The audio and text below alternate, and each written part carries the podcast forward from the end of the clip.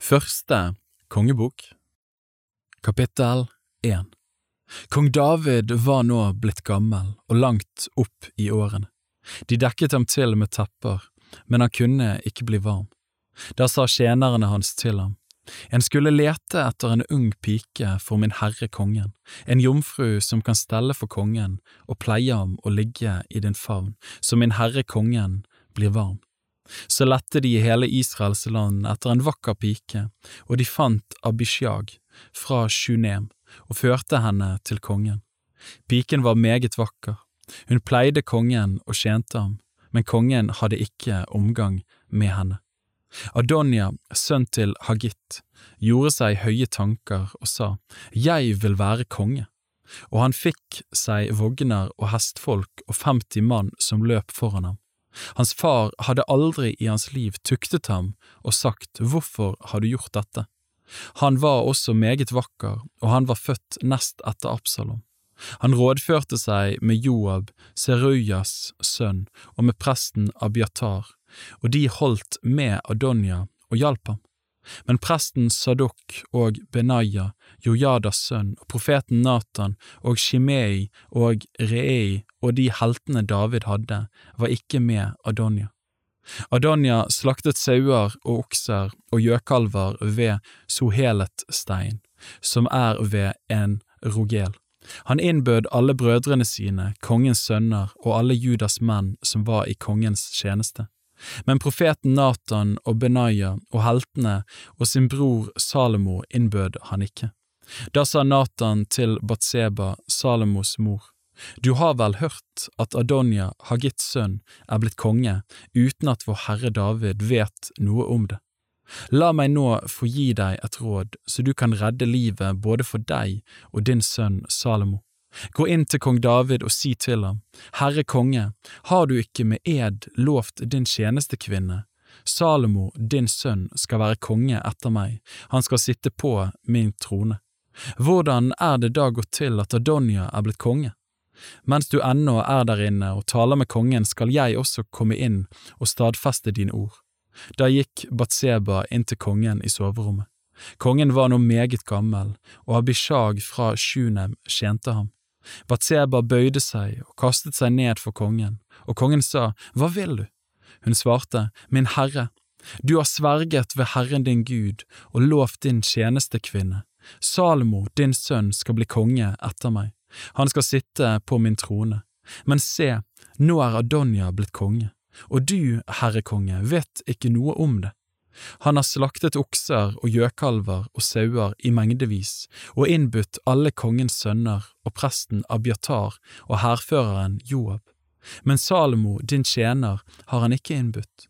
Og nå, Herre konge, er hele Israels øyne vendt mot deg, for at du skal la dem vite hvem som skal sitte på min herre kongens trone etter ham. Ellers kan det gå slik at når min herre kongen ligger hos sine fedre, vil jeg og min sønn Salomo bli regnet som forbrytere. Mens hun ennå talte med kongen, kom profeten Natan. Det ble meldt kongen, profeten Natan er her, og han kom inn og trådte fram for kongen og kastet seg på sitt ansikt til jorden for ham. Og Natan sa, Herre konge, du har vel sagt, Adonia skal være konge etter meg, og han skal sitte på min trone. For i dag har han dratt ned og slaktet okser og gjøkalver og sauer i mengdevis og innbudt alle kongens sønner og hærførerne og presten Abiatar. Nå eter og drikker de med ham og roper Leve kong Adonia. Men meg, din tjener og presten Sadok og Benaya, Jojadas sønn og Salomo din tjener, har han ikke innbudt. Skulle dette være gjort på min herre kongens bud, uten at du har latt dine tjenere vite hvem som skal sitte på min herre kongens trone etter ham? Da tok kong David til orde og sa, Kall Batseba inn til meg, og hun kom inn og trådte fram for kongen. Og kongen sverget og sa, Så sant Herren lever, Han som har forløst min sjel fra all trengsel, som jeg har sverget ved Herren Israels Gud og lovt deg, Salomo, din sønn, skal være konge etter meg. Han skal sitte på min trone i mitt sted. Slik vil jeg gjøre det på denne dag. Da bøyde Batseba seg med ansiktet mot jorden og kastet seg ned for kongen og sa, Min herre, kong David, leve evig. Og kong David sa, Kall hit til meg presten Sadok og profeten Natan og Benaya, Jojadas sønn. De kom da og trådte fram for kongen. Kongen sa til dem, Ta deres herres tjenere med dere, og la min sønn Salomo ride på mitt eget muldyr og før ham ned til Gihon.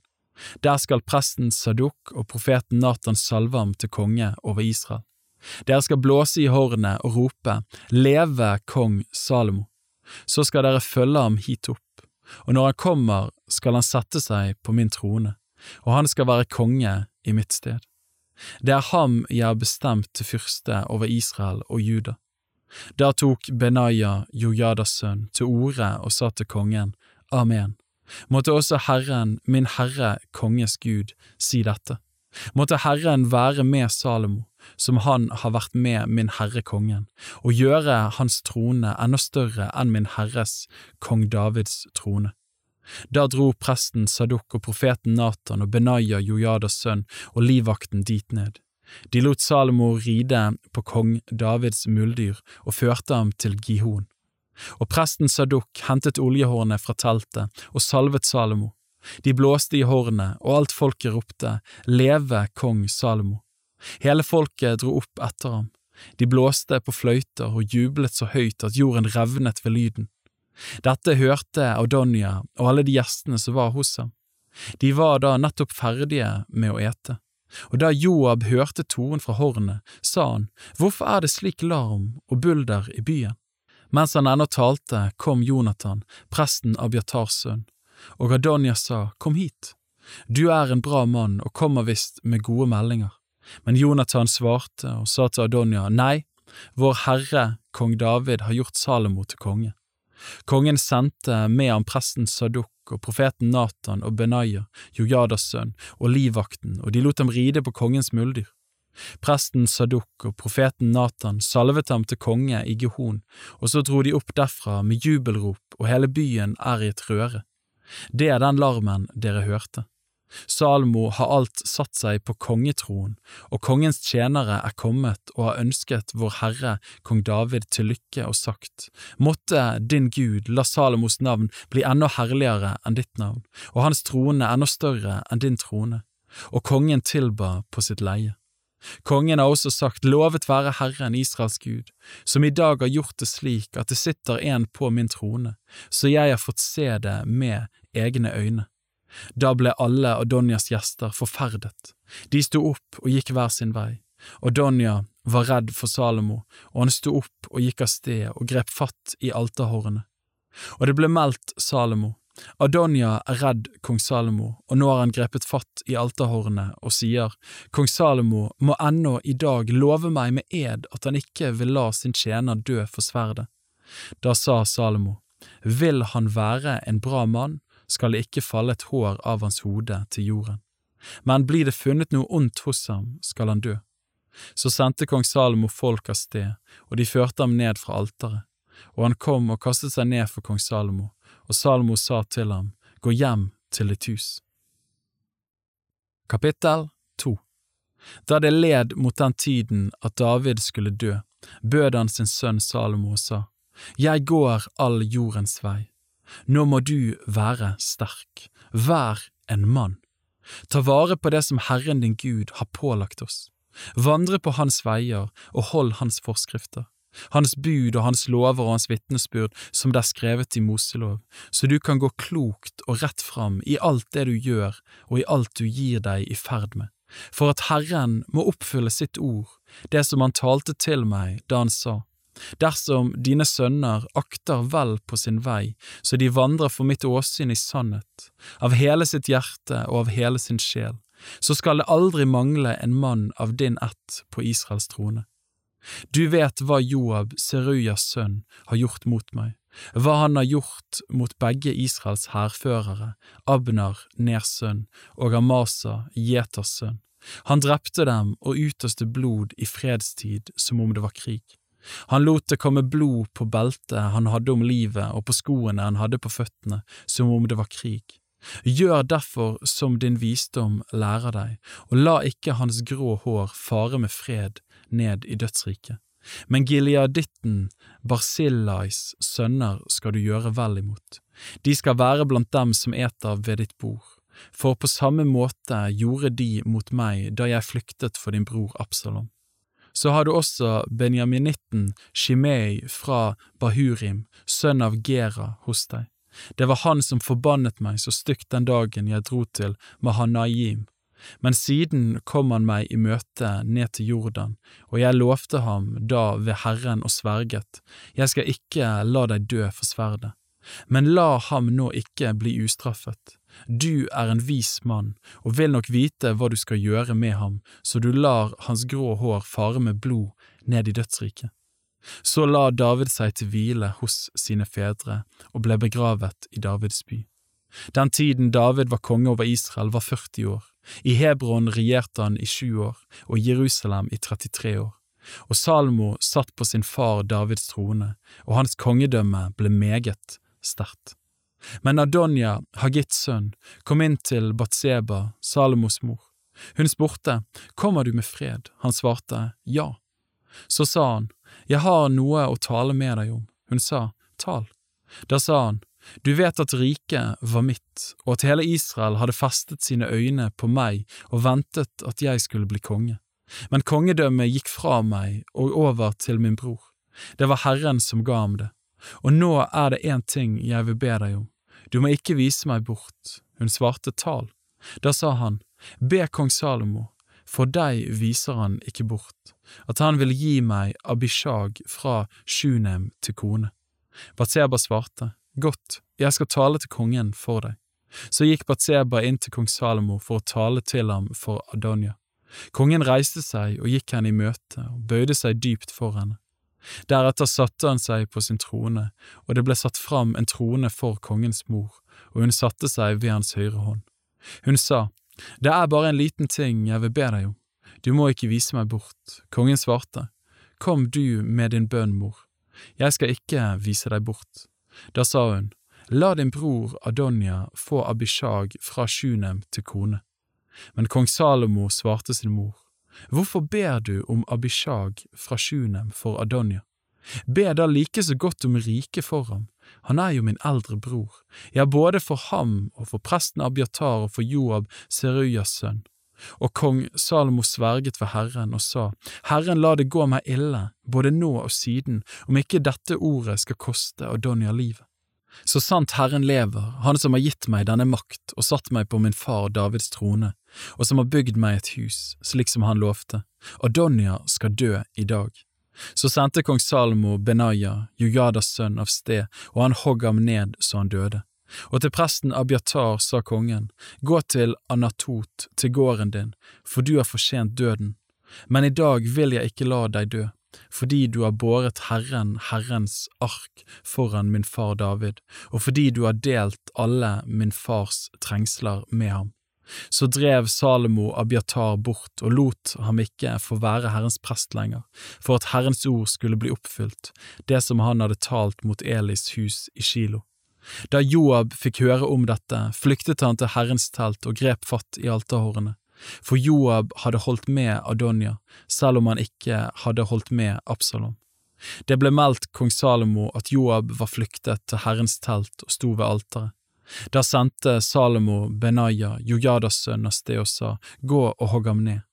Da Benaya kom til Herrens telt, sa han til ham, Så sier kongen, Gå bort herfra, men han sa, Nei, her vil jeg dø.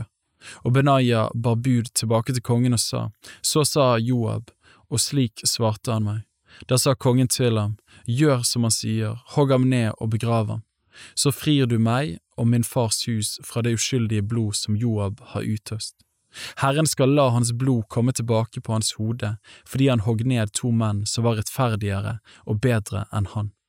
Han drepte dem med sverdet uten at min far David visste om det, Abner, Ners sønn, Israels hærfører, og Amasa, Jeters sønn, Judas hærfører. Deres blod skal komme tilbake på Joabs hode og på hans etterkommeres hode til evig tid. Men over David og hans etterkommere og hans hus og hans trone skal Herrens fred bli til evig tid. Så gikk Benaya, Jojadas sønn, opp og hogg Joab ned og drepte ham, og han ble begravet ved sitt hus i ørkenen. Kongen satte Benaya, Jojadas sønn, over hæren i hans sted, og kongen satte presten Saduk i Abiatars sted. Så sendte kongen bud etter Shimei og sa til ham, Bygg deg et hus i Jerusalem og bo der. Du skal ikke reise derfra, verken til det ene eller det andre stedet. For det skal du vite for visst, den dagen du går ut og går over bekken Kedron, skal du dø. Ditt blod skal komme over ditt eget hode. Da sa Shimei til kongen, Det er godt det du sier. Som min herre kongen har sagt, så skal din tjener gjøre. Og Shimei ble boende i Jerusalem en lang tid. Men da tre år var gått, hendte det at to av Shimeis tjenere rømte til kongen i Gat, Akish, sønn av Maaka, og det ble meldt til Shimei, tjenerne dine er i Gat. Da gjorde Shimei seg ferdig og salte eselet sitt og dro til Akish i Gat for å lete etter tjenerne sine. Shimei dro da dit og hadde tjenerne med seg tilbake fra Gat. Men Salomo fikk vite at Shimei var reist fra Jerusalem til Gat og var kommet tilbake. Da sendte kongen bud etter Shimei og sa til ham, har jeg ikke sverget ved Herren og høytidelig sagt deg, det skal du vite for visst at den dagen du går ut og drar til noe annet sted, skal du dø. Og du svarte, det er godt det du sier, jeg har hørt det. Hvorfor har du da ikke holdt deg etter den ed som var sverget ved Herren, og det bud jeg ga deg? Og kongen sa til Shemei, du kjenner selv alt det onde som hjertet ditt vet om at du har gjort mot min far David. Herren lar nå ondskapen din komme tilbake på ditt eget hode. Men kong Salomo skal være velsignet, og Davids trone skal stå fast for Herrens åsyn til evig tid. Og kongen ga ordre til Benaya, Jojadas sønn, og han gikk ut og hogg Shimei ned så han døde, og kongedømmet lå trygt og fast i Salomos hånd. Kapittel 3 Salomo ble svigersønn til farao, kongen i Egypt.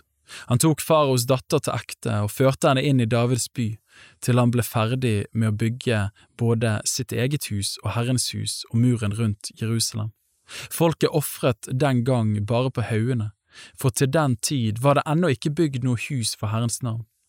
Salomo elsket Herren, så han fulgte sin far Davids forskrifter, men han ofret på haugene og brente røkelse der. Kongen dro til Gibeon for å ofre der, for der var den store offerhaugen. Tusen brennoffer ofret Salomo på alteret der. I Gibeon åpenbarte Herren seg for Salomo i en drøm om natten. Gud sa, Be om det du vil jeg skal gi deg. Salomo svarte, Du har vist stor miskunnhet mot din tjener David, min far, fordi han vandret for ditt åsyn i sannhet og rettferdighet, og med et oppriktig hjerte ovenfor deg og denne store miskunnhet mot ham har du holdt fast ved, og du ga ham en sønn som skulle sitte på hans trone, slik som det er i dag. Nå har du da, Herre min Gud, gjort din tjener til konge i min far Davids sted, men jeg er bare en ungdom, og ofte vet jeg hverken ut eller inn. Og din tjener står her midt iblant ditt folk, det som du har utvalgt, et folk så stort at det ikke kan regnes eller telles, så stort er det så gi da din tjener et lydhørt hjerte til å dømme ditt folk, til å skille mellom godt og ondt, for hvem kunne ellers dømme dette ditt folk som er så tallrikt? Det var godt i Herrens øyne at Salomo hadde bedt om dette. Og Gud sa til ham, fordi du har bedt om denne ting og ikke bedt om et langt liv og ikke om rikdom og heller ikke om død over dine fiender, men har bedt om forstand til å akte på det som rett er, så vil jeg gjøre det du ber om. Jeg vil gi deg et vist og forstandig hjerte, så det ikke har vært din like før og ikke vil komme din like etter deg. Og det du ikke har bedt om, vil jeg også gi deg, både rikdom og ære, så det ikke skal være din like blant kongene alle dine dager. Dersom du vil vandre på mine veier, så du holder mine lover og mine bud som din far David gjorde, så vil jeg gi deg et langt liv. Der våknet Salomo, og han skjønte at det var en drøm, og da han kom til Jerusalem, trådte han fram for Herrens paktsark og ofret brennoffer og bar fram fredsoffer og gjorde et gjestebud for alle mennene sine. På den tiden kom det to horkvinner og trådte fram for kongen. Den ene kvinnen sa, Hør på meg, herre, jeg og denne kvinnen bodde i samme hus, og jeg fødte et barn i huset hos henne. Den tredje dagen etter at jeg hadde født, fødte også denne kvinnen et barn, der var vi nå sammen. Det var ingen fremmede hos oss i huset, bare vi to var i huset. Om natten døde sønnen til denne kvinnen fordi hun hadde ligget på ham. Da sto hun opp midt på natten og tok sønnen min fra min side mens din tjenestekvinne sov. Hun la ham ved sin barm, og sin egen sønn som var død, la hun ved min barm. Da jeg så sto opp om morgenen for å gi sønnen min bryst, fikk jeg se at han var død. Men da jeg senere på morgenen så nøyere på ham, da var det ikke sønnen min, han som jeg hadde født. Da sa den andre kvinnen, Nei, den gutten som lever er min sønn, og den som er død er din. Men den første sa, Nei, den gutten som er død, er din sønn, og den som lever, er min. Slik snakket de mens de sto for kongen. Da sa kongen, Den ene sier, Den gutten som lever, er min sønn, og den som er død, er din, og den andre sier, Nei, den gutten som er død, er din sønn, og den som lever, er min. Så sa kongen, Hent et sverd til meg. Og de kom med et sverd og bar det fram for kongen. Da sa kongen, hogg det levende barnet i to stykker og gi den ene halvdel til den ene kvinnen og den andre halvdel til den andre. Den kvinnen som var mor til det levende barnet, sa da til kongen, for hennes hjerte brant for barnet hennes, hør på meg, herre, gi henne det levende barnet og drep det for all del ikke. Men den andre sa, hverken jeg eller du skal ha det, bare hogg til. Der tok kongen til orde og sa, Gi henne det levende barnet og drep det ikke, hun er barnets mor.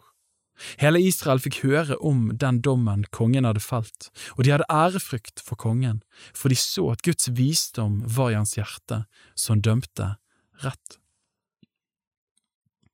Kapittel 4 Kong Salomo var konge over hele Israel, og dette var hans fremste menn.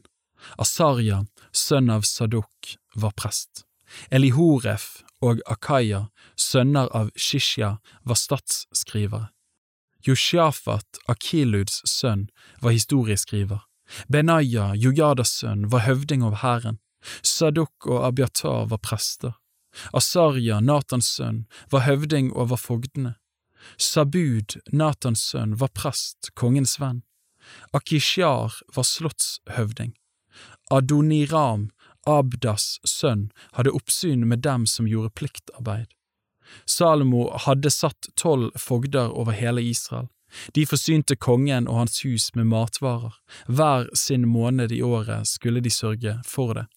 Dette var navnet deres, Hurs sønn på Eifreim-fjellet, Dekers sønn i Makas og Sjalbim og Bet Shemesh og Elon Bet Hanan. Heseds sønn i Arubot, han hadde Soko hele Heferbygden. Abinadabs sønn hadde hele Dors høyland.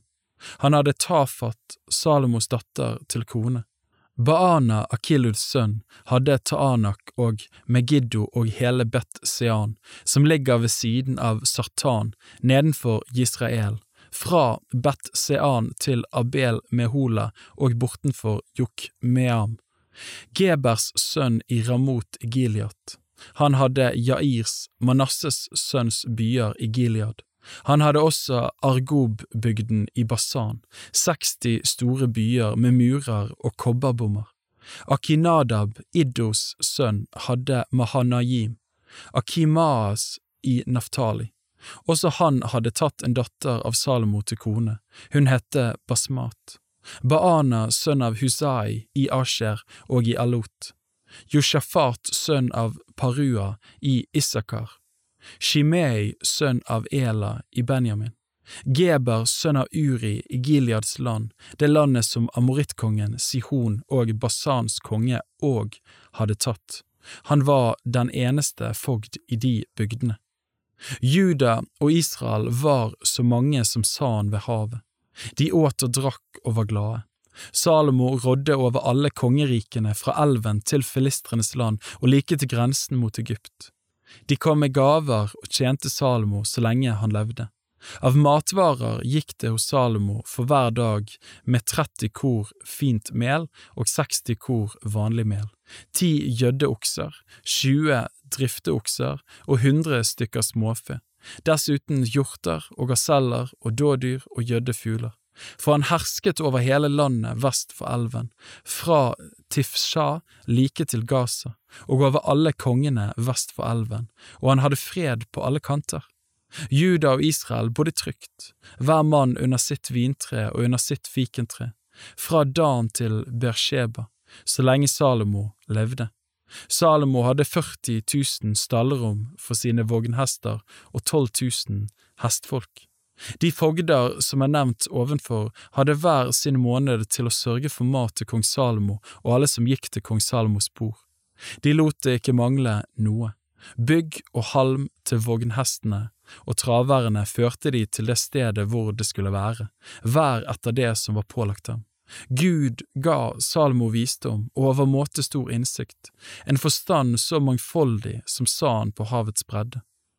Salomo hadde større visdom enn alle Østens barn og alle egypterne.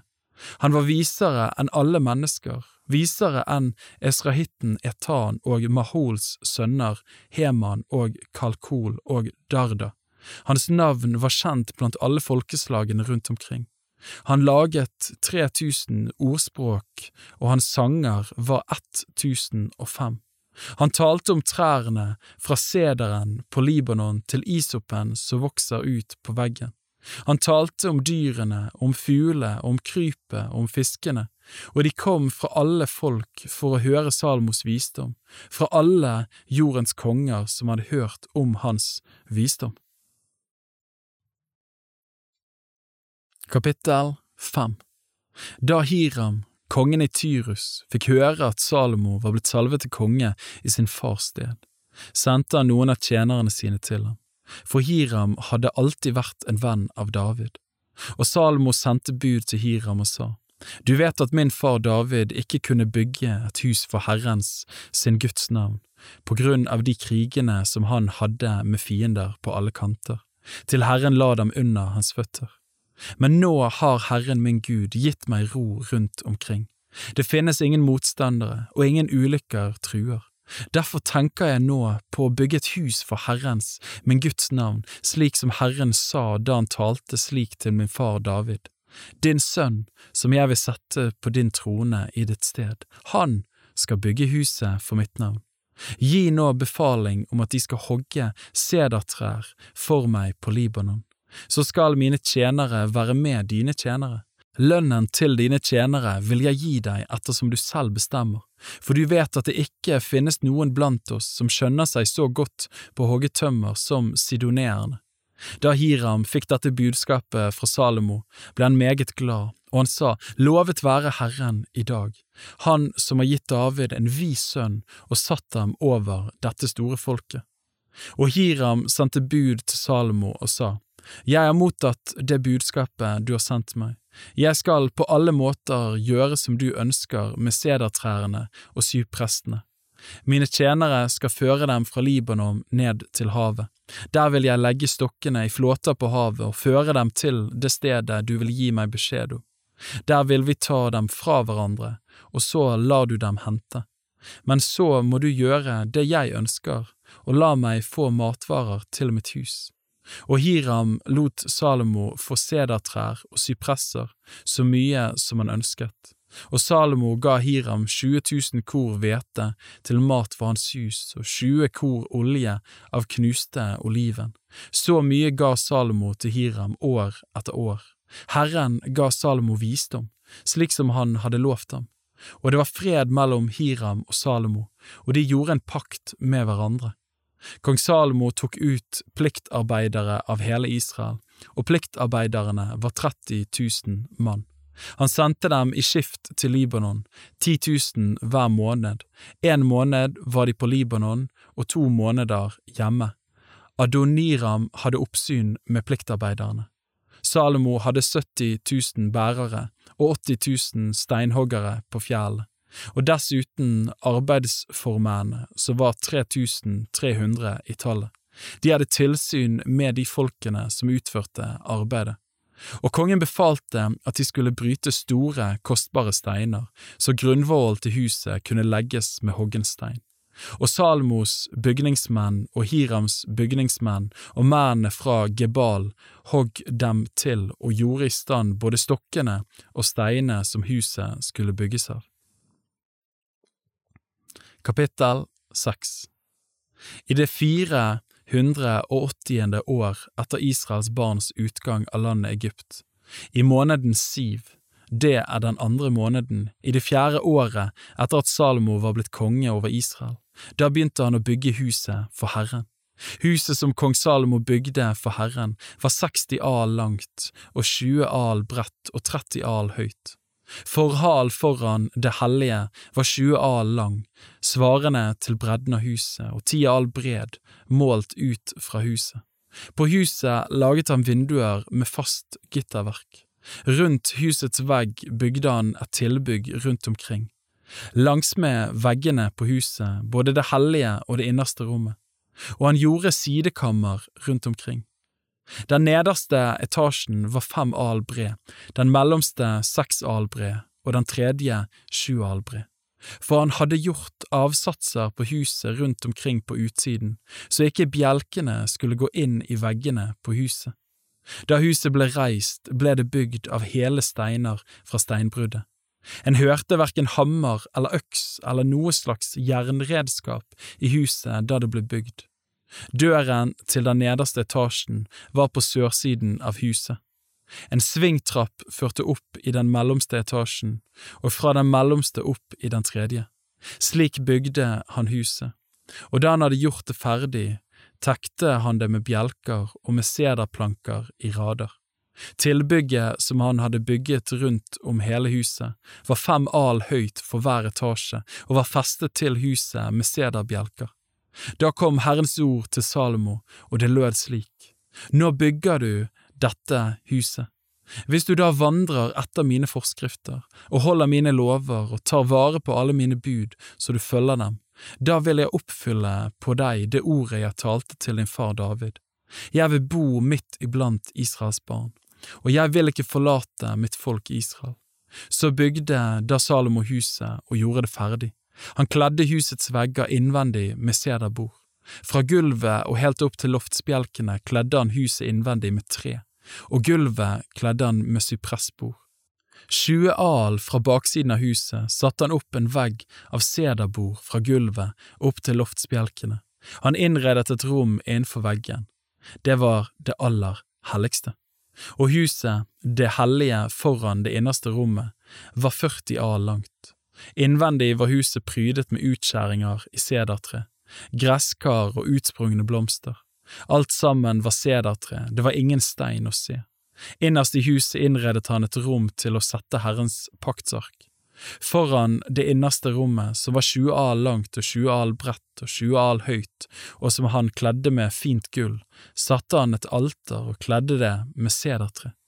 Og Salomo kledde huset innvendig med fint gull, og hengte gullkjeder bortetter veggen foran det innerste rommet, og kledde den med gull. Hele huset kledde han med gull fra ende til annen, og hele alteret som hørte til det innerste rommet kledde han med gull. I den innerste helligdommen laget han to sjeruber av oliventre. De var ti al høye. Sjerubens ene vinge var fem al, og sjerubens andre vinge fem al. Det var ti al fra vingespiss til vingespiss. Den andre kiruben var også ti al. Begge kirubene hadde samme mål og samme skikkelse. Den ene kiruben var ti al høy, likeså den andre kiruben, og han satte kirubene i det innerste rommet i huset. De strakte kirubenes vinger ut, så den ene kirubens vinge rørte ved den ene veggen, og den andre kirubens vinge rørte ved den andre veggen, mens deres vinger rørte ved hverandre midt i huset. Han kledde kjerubene med gull. Alle veggene i huset prydet han med utskårne bilder av kjeruber og palmer og utsprungne blomster både i det indre og i det ytre rommet. Og gulvet i huset kledde han med gull, både i det indre og i det ytre rommet. Foran inngangen til det innerste rommet laget han en fløydør av oliventre. Den øvre dørkarmen med dørstolpene utgjorde en femtedel av veggen, og de to dørene av oliventre prydet han med utskårne bilder av sjeruber og palmer og utsprungne blomster, og han kledde dem med gull. Han bredte gullet ut over sjerubene og palmene. Likeså laget han dørstolper av oliventre for inngangen til det hellige, på fjerde delen av veggen og to dørfløyer av syprestre. Begge dørfløyene var i to deler, som kunne svinges hver for seg, og han prydet dem med utskjæringer, sjeruber og palmer og utsprungne blomster, og han kledde dem med gull som ble lagt jevnt utover utskjæringene. Han bygde den indre forgården av tre lag tilhogd stein og ett lag sederbjelker. I det fjerde året ble grunnvollen lagt til Herrens hus, i måneden Siv, og i det ellevte året, i måneden Bul, det er den åttende måneden, var huset ferdig i alle sine deler. Det var i ett og alt som det skulle være. Da hadde han bygd på det i sju år. Kapittel 7 På sitt eget hus bygde Salomo i 13 år før han ble ferdig med hele huset. Han bygde Libanon-skoghuset, 100 al langt og 50 al bredt og 30 al høyt, på fire rader søyler av sedertre og med bjelker av sedertre over søylene. Det var tekt med sedertre over de sidekamrene som hvilte på søylene, og som var 45 i tallet, 15 i hver rad. Vinduene sto i tre rader og vindu mot vindu i tre høyder. Alle dørene og dørstolpene var firkantet, av bjelker, og vendte like mot vindusrekken i alle tre høyder. Så laget han søylehal, 50 al lang og 30 al bred. Foran den var det en forhall med søyler, og foran den igjen var det en trappeoppgang. Så laget han tronhal, hvor han satt og dømte, domshal. Den var kledd med sedertre fra den ene enden av gulvet til den andre hans eget hus, det som han bodde i og som lå i den andre gården innenfor forhalen, var bygd på samme måte. Også for faraos datter, som han hadde tatt ekte, bygde Salomo et hus som var lik denne forral. Alt dette var av kostbare steiner, hogd etter mål og skåret med sag både på innsiden og utsiden, like fra grunnen og opp til murkanten, og så på utsiden til den store borggården. Grunnmuren var lagt med kostbare og store steiner, steiner på ti al og steiner på åtte al. Over dem var det kostbare steiner, hogd etter mål og sedertre. Rundt omkring den store borggården var det tre lag tilhogd stein og ett lag sederbjelker, slik det var rundt den indre forgården til Herrens hus og rundt forhal til slottet.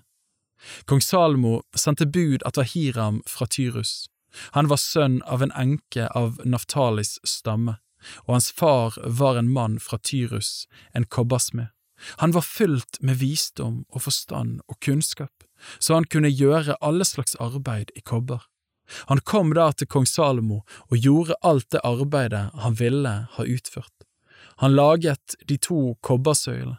Den ene søylen var 18 al høy, og en tråd på tolv al nådde omkring den andre søylen. Han laget to søyleholder av støpt kobber til å sette på toppen av søylet. Hvert søylehode var fem al høyt. På søylehodene som var på toppen av søyle var det nettverk, flettet arbeid, snorer laget som skjeder, sju på hvert søylehode og han laget to rader med granatepler rundt omkring ved det ene flettverket som skulle dekke søylehodene på toppen av søyle. Slik gjorde han også med det andre søylehodet. Og søylehodene på toppen av søylet var laget som liljer, like som i forral, og målte fire al. På begge søyler var det søylehoder ovenfor den utbuktningen som var nærmest ved flettverket og granatepler, 200 i tallet, hang i rader rundt omkring på det andre søylehodet. Så reiste han søyle ved forhold til tempelet. Søylen som han satte på den høyre siden, kalte han Jakin, og den som han satte på den venstre siden, kalte han Boas. På toppen av søyle var det utsmykning formet som liljer. Så var arbeidet med søyle ferdig. Så laget han det støpte havet Det var ti al fra den ene randen til den andre, og var helt rundt. Det nådde fem al i høyden, og en snor på 30 al nådde rundt det. Nedenfor randen var det gresskar rundt omkring havet, ti på hver al. Det var to rader med gresskar, og de var støpt i ett med havet. Havet sto på tolv okser, tre vendt mot nord, tre vendt mot vest, tre vendt mot sør og tre vendt mot øst. Havet hvilte på dem, og de hadde bakkroppen vendt innover. Kummen var en håndsbredd tykk, kanten var som randen på et beger, lik en liljeblomst, den rommet 2000 bat. Så laget han ti fotstykker av kobber, hvert fotstykke var fire al langt, fire al bredt og tre al høyt. Fotstykkene var laget slik, det var lister på dem, lister mellom kantlistene, og på listene mellom kantlistene var det løver, okser og kjeruber, og likeså over kantlistene. Over og under løvene og oksene var det kranser av hamret arbeid. Hvert fotstykke hadde fire hjul av kobber og aksler av kobber, og de fire føttene hadde bærearmer. De var faststøpt under karet. På hver av dem var det kranser. Åpningen på karet var innenfor kransen og nådde en al opp over den. Åpningen var rund og hadde et underlag på halvannen al. Også på åpningen var det utskjæringer, men tverrlistene var firkantede, ikke runde. De fire hjulene var under tverrlistene, og hjulakslene var på fotstykket. Hvert hjul var halvannen al høyt. Hjulet var laget som vognhjul. Akslene og ringene og ekene og navene på dem var alt sammen støpt. Det var fire bærearmer på de fire hjørnene av hvert fotstykke. Bærearmene var i ett med fotstykket. Øverst på fotstykket var det en halv als forhøyning, helt rund. Håndtakene og listene var øverst på fotstykket og var støpt i ett med det. På flatsiden av håndtakene og på listene skar han ut kjeruber, løver og palmer, ettersom det var rom til på hver av dem, og løvverk rundt omkring. Slik laget han de ti fotstykkene, de var alle støpt på samme vis og hadde samme mål og samme form. Så laget han ti kobberkar, hvert kar rommet 40 bat og var fire al i tverrmål. Det var ett kar på hvert av de ti fotstykkene, og han satte fem av fotstykkene på høyre side av huset og fem på venstre side. Havet satte han på høyre side av huset, mot sørøst. Hiram laget askebøttene og ildskuffene og skålene til å stenke blod med. Så var Hiram ferdig med alt det arbeidet han gjorde for kong Salomo til Herrens hus. Til sammen var det de to søylene og de to skålene på søylehodene på toppen av søylet, de to flettverkene til å dekke de to skålene på søylehodene på toppen av søylet, de fire hundre granateplene til de to flettverkene, to rader granatepler til hvert flettverk, til å dekke de to skålene på søylehodene som var over søyle, og de ti fotstykkene og de ti karene på fotstykkene, og havet og de tolv oksene under havet, og askebøttene og ildskuffene og skålene til å stenke blod med. Alt dette som Hiram laget for kong Salomo til Herrens hus, var av blankt kobber. Det var på Jordansletten kongen lot dem støpe, i leirjorden mellom Sukkot og Sartan. Salomo lot være å veie alle disse tingene fordi mengden var så stor, kobberets vekt ble ikke undersøkt.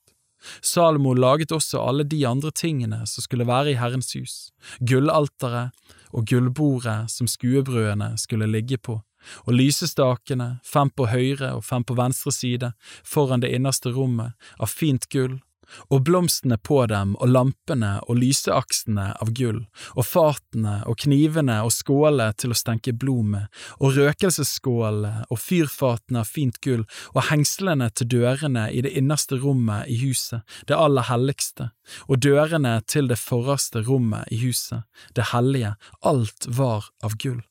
Da det nå var fullført, alt det arbeidet som Salomo lot utføre for Herrens hus, lot han bære inn der de ting som hans far David hadde helliget til Herren, sølvet og gullet og karene. Han la det ned i skattkamrene i Herrens hus. Kapittel 8 Da kalte kong Salomo Israels eldste og alle stammehøvdingene, overhodene for Israels barns familier sammen til seg i Jerusalem, for å føre Herrens paktsark opp fra Davids by, det er Sion. Alle Israels menn samlet seg hos kong Salomo på festen i måneden Etanim, det er den tjuende måneden. Da når alle Israels eldste var kommet, løftet prestene opp arken og de bar opp Herrens ark og sammenkomstens telt og alle de hellige kar som var i teltet. Det var prestene og levittene som bar dem opp. Kong Salmo sto foran arken, og med ham hele Israels menighet som hadde samlet seg hos ham. De ofret småfe og storfe i slik mengde at de ikke kunne telles eller regnes. Prestene bar Herrens paktsark inn på dens plass i husets innerste rom, i det aller helligste, under kjerubenes vinger. For kjerubene bredte vingene ut over det stedet hvor arken sto, så at kjerubene ovenfra dekket både over arken og bærestengene. Stengene var så lange at endene på dem kunne bli sett fra det hellige, foran det innerste rommet, men ikke utenfor. Og der har de vært til denne dag. Det var ikke noe i arken uten de to steintavlene som Moses hadde lagt ned der ved Horeb, den gang Herren gjorde pakt med Israels barn da de dro ut av landet Egypt. Så skjedde det da prestene gikk ut av helligdommen, da fylte skyen Herrens hus. Prestene kunne ikke bli stående og gjøre tjeneste på grunn av skyen, for Herrens herlighet fylte Herrens hus. Da sa Salomo, Herren har sagt at han vil bo i det dunkle. Nå har jeg bygd et hus til bolig for deg, et sted hvor du kan bo til evig tid. Så vendte kongen seg om og velsignet hele Israels menighet, mens hele Israels menighet sto. Han sa, Lovet være Herren Israels Gud, som med sin munn talte med David min far, og med sin hånd har oppfylt det han lovte da han sa, fra den dagen jeg førte mitt folk Israel ut av Egypt, har jeg ikke utvalgt noen by blant alle Israels stammer hvor det skulle bygges et hus til bolig for mitt navn, men jeg utvalgte David til råde over mitt folk Israel. Og David, min far, hadde i sinne å bygge et hus for Herrens Israels Guds navn. Men Herren sa til David, min far, du gjorde vel i at du har hatt i sinne å bygge et hus for mitt navn. Men du skal ikke bygge huset. Din sønn, han som du skal bli far til, han skal bygge huset for mitt navn. Herren har nå oppfylt det ordet han hadde talt. Jeg har trådt i min far Davids sted og har tatt sete på Israels trone, slik som Herren hadde sagt, og jeg har bygd huset for Herrens, Israels Guds navn. Der har jeg gjort i stand et rom for arken, i den er Herrens pakt, den pakt som han sluttet med våre fedre da han førte dem ut av landet Egypt. Så trådte Salomo fram foran Herrens alter, midt for hele Israels menighet, og bredte hendene ut mot himmelen, og han sa, Herre, Israels Gud, det er ikke noen Gud som du, verken i himmelen der oppe eller på jorden her nede. Du er den som holder din pakt og bevarer din miskunn mot dine tjenere når de vandrer for ditt åsyn av hele sitt hjerte, du som har holdt det du lovte din tjener David, min far. Du lovte det med din munn, og du har oppfylt det med din hånd, som det viser seg i dag. Herre, Israels Gud, så hold nå også det du lovte din tjener David, min far, da du sa, det skal aldri mangle en mann av din ett til å sitte på Israels trone for mitt åsyn. Så sant dine barn akter på sin vei og vandrer for mitt åsyn som du har vandret for mitt åsyn. Så la nå, Israels Gud, de ordene bli sannhet som du har talt til din tjener David, min far. Men bor da Gud virkelig på jorden? Se, himlene og himlenes himler rommer deg ikke. Hvor meget mindre da dette huset som jeg har bygd? Men du vil likevel vende deg til din tjeners bønn og til hans ydmyke begjæring, Herre min Gud, og høre det rop og den bønn som din tjener bærer fram for ditt åsyn i dag. La dine øyne være åpne over dette huset natt og dag, det stedet som du har talt om og sagt, mitt navn skal bo der. Hør den bønn som din tjener ber, vendt mot dette stedet. Du vil høre på din tjeners og ditt folk Israels ydmyke begjæring, som de bærer fram vendt mot dette stedet. Ja, du vil høre den på det sted hvor du bor i himmelen. Du vil høre og tilgi. Når noen synder mot sin neste, og de krever at han skal avlegge ed, og han så kommer inn og sverger foran ditt alter i dette huset, så vil du høre i himmelen og gripe inn og hjelpe dine tjenere til deres rett. Du vil dømme den skyldige skyldig, og la hans gjerninger komme over hans eget hode. Og du vil dømme den rettferdige rettferdig, og la ham få igjen for sin rettferdighet.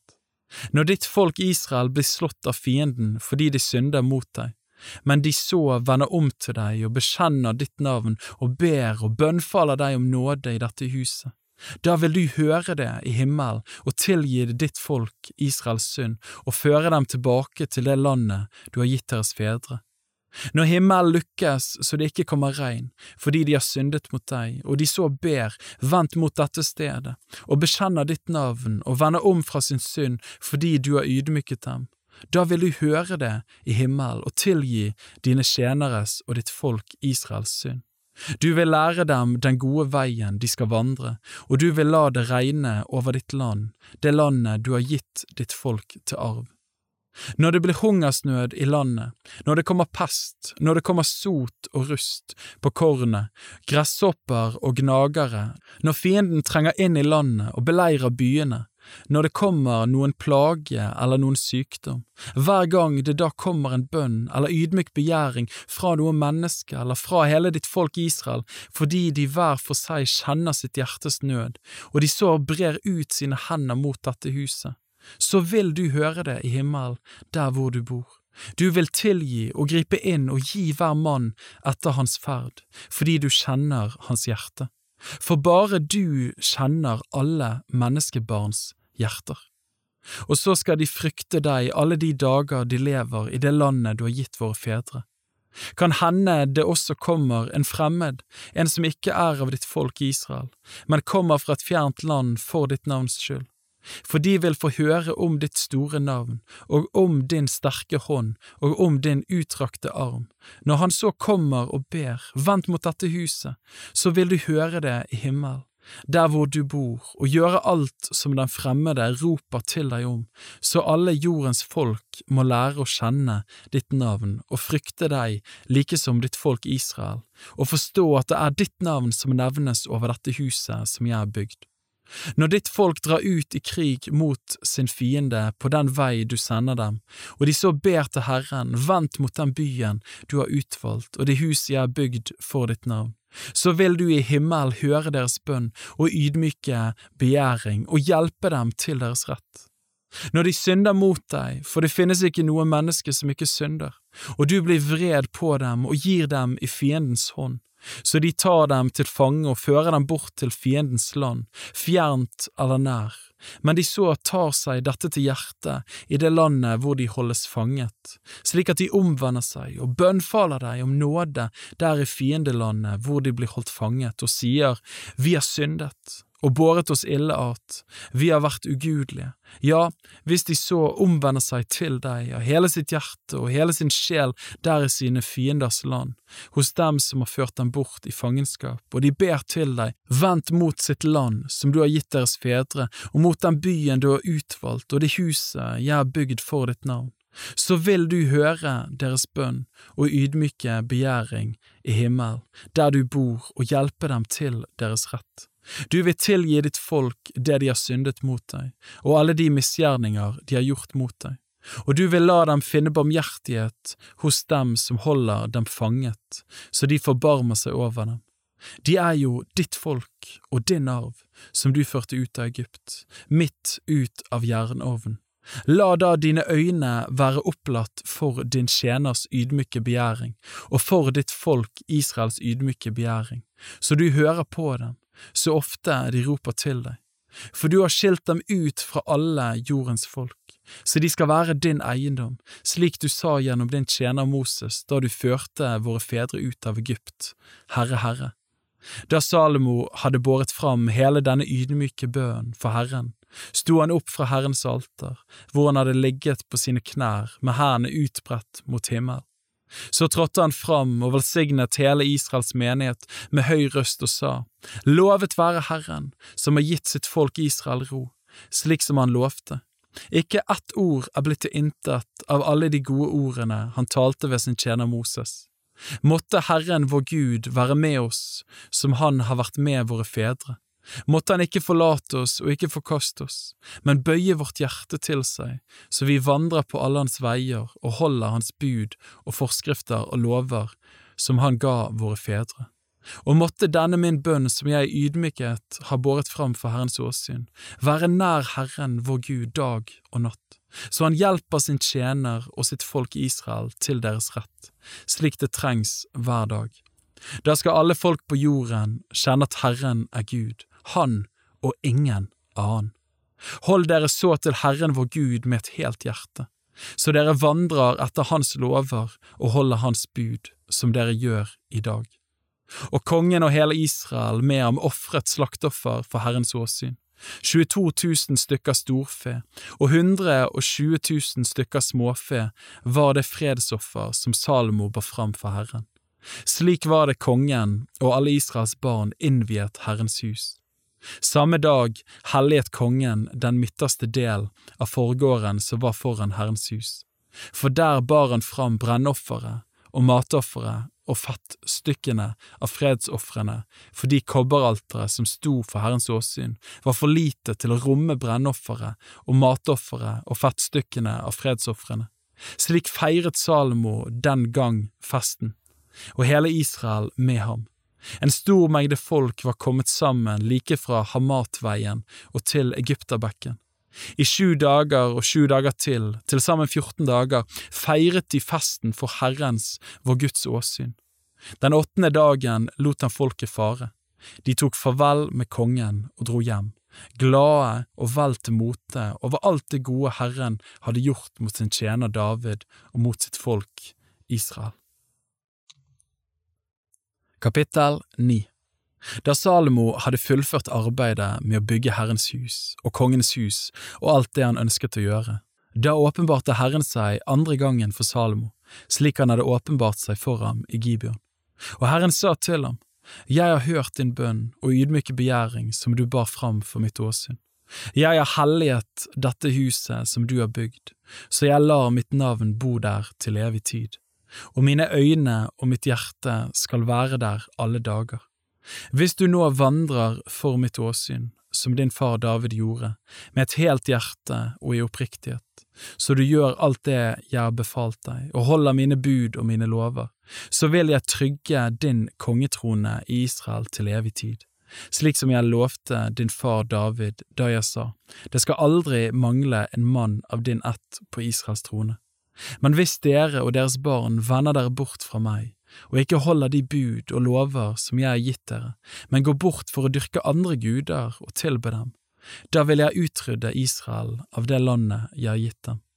Det huset jeg har helliget for mitt navn, vil jeg kaste bort fra mitt åsyn, og Israel skal bli til et ordspråk og til en spott blant alle folk. Selv om dette huset er aldri så høyt, så skal likevel alle som går forbi det, bli forferdet og spotte. Og når noen da spør hvorfor har Herren gjort slik mot dette landet og mot dette huset, da skal de svare, fordi de forlot Herren sin Gud, som førte deres fedre ut av landet Egypt, og holdt seg til andre guder og tilba dem og dyrket dem, derfor har Herren ført all denne ulykken over dem.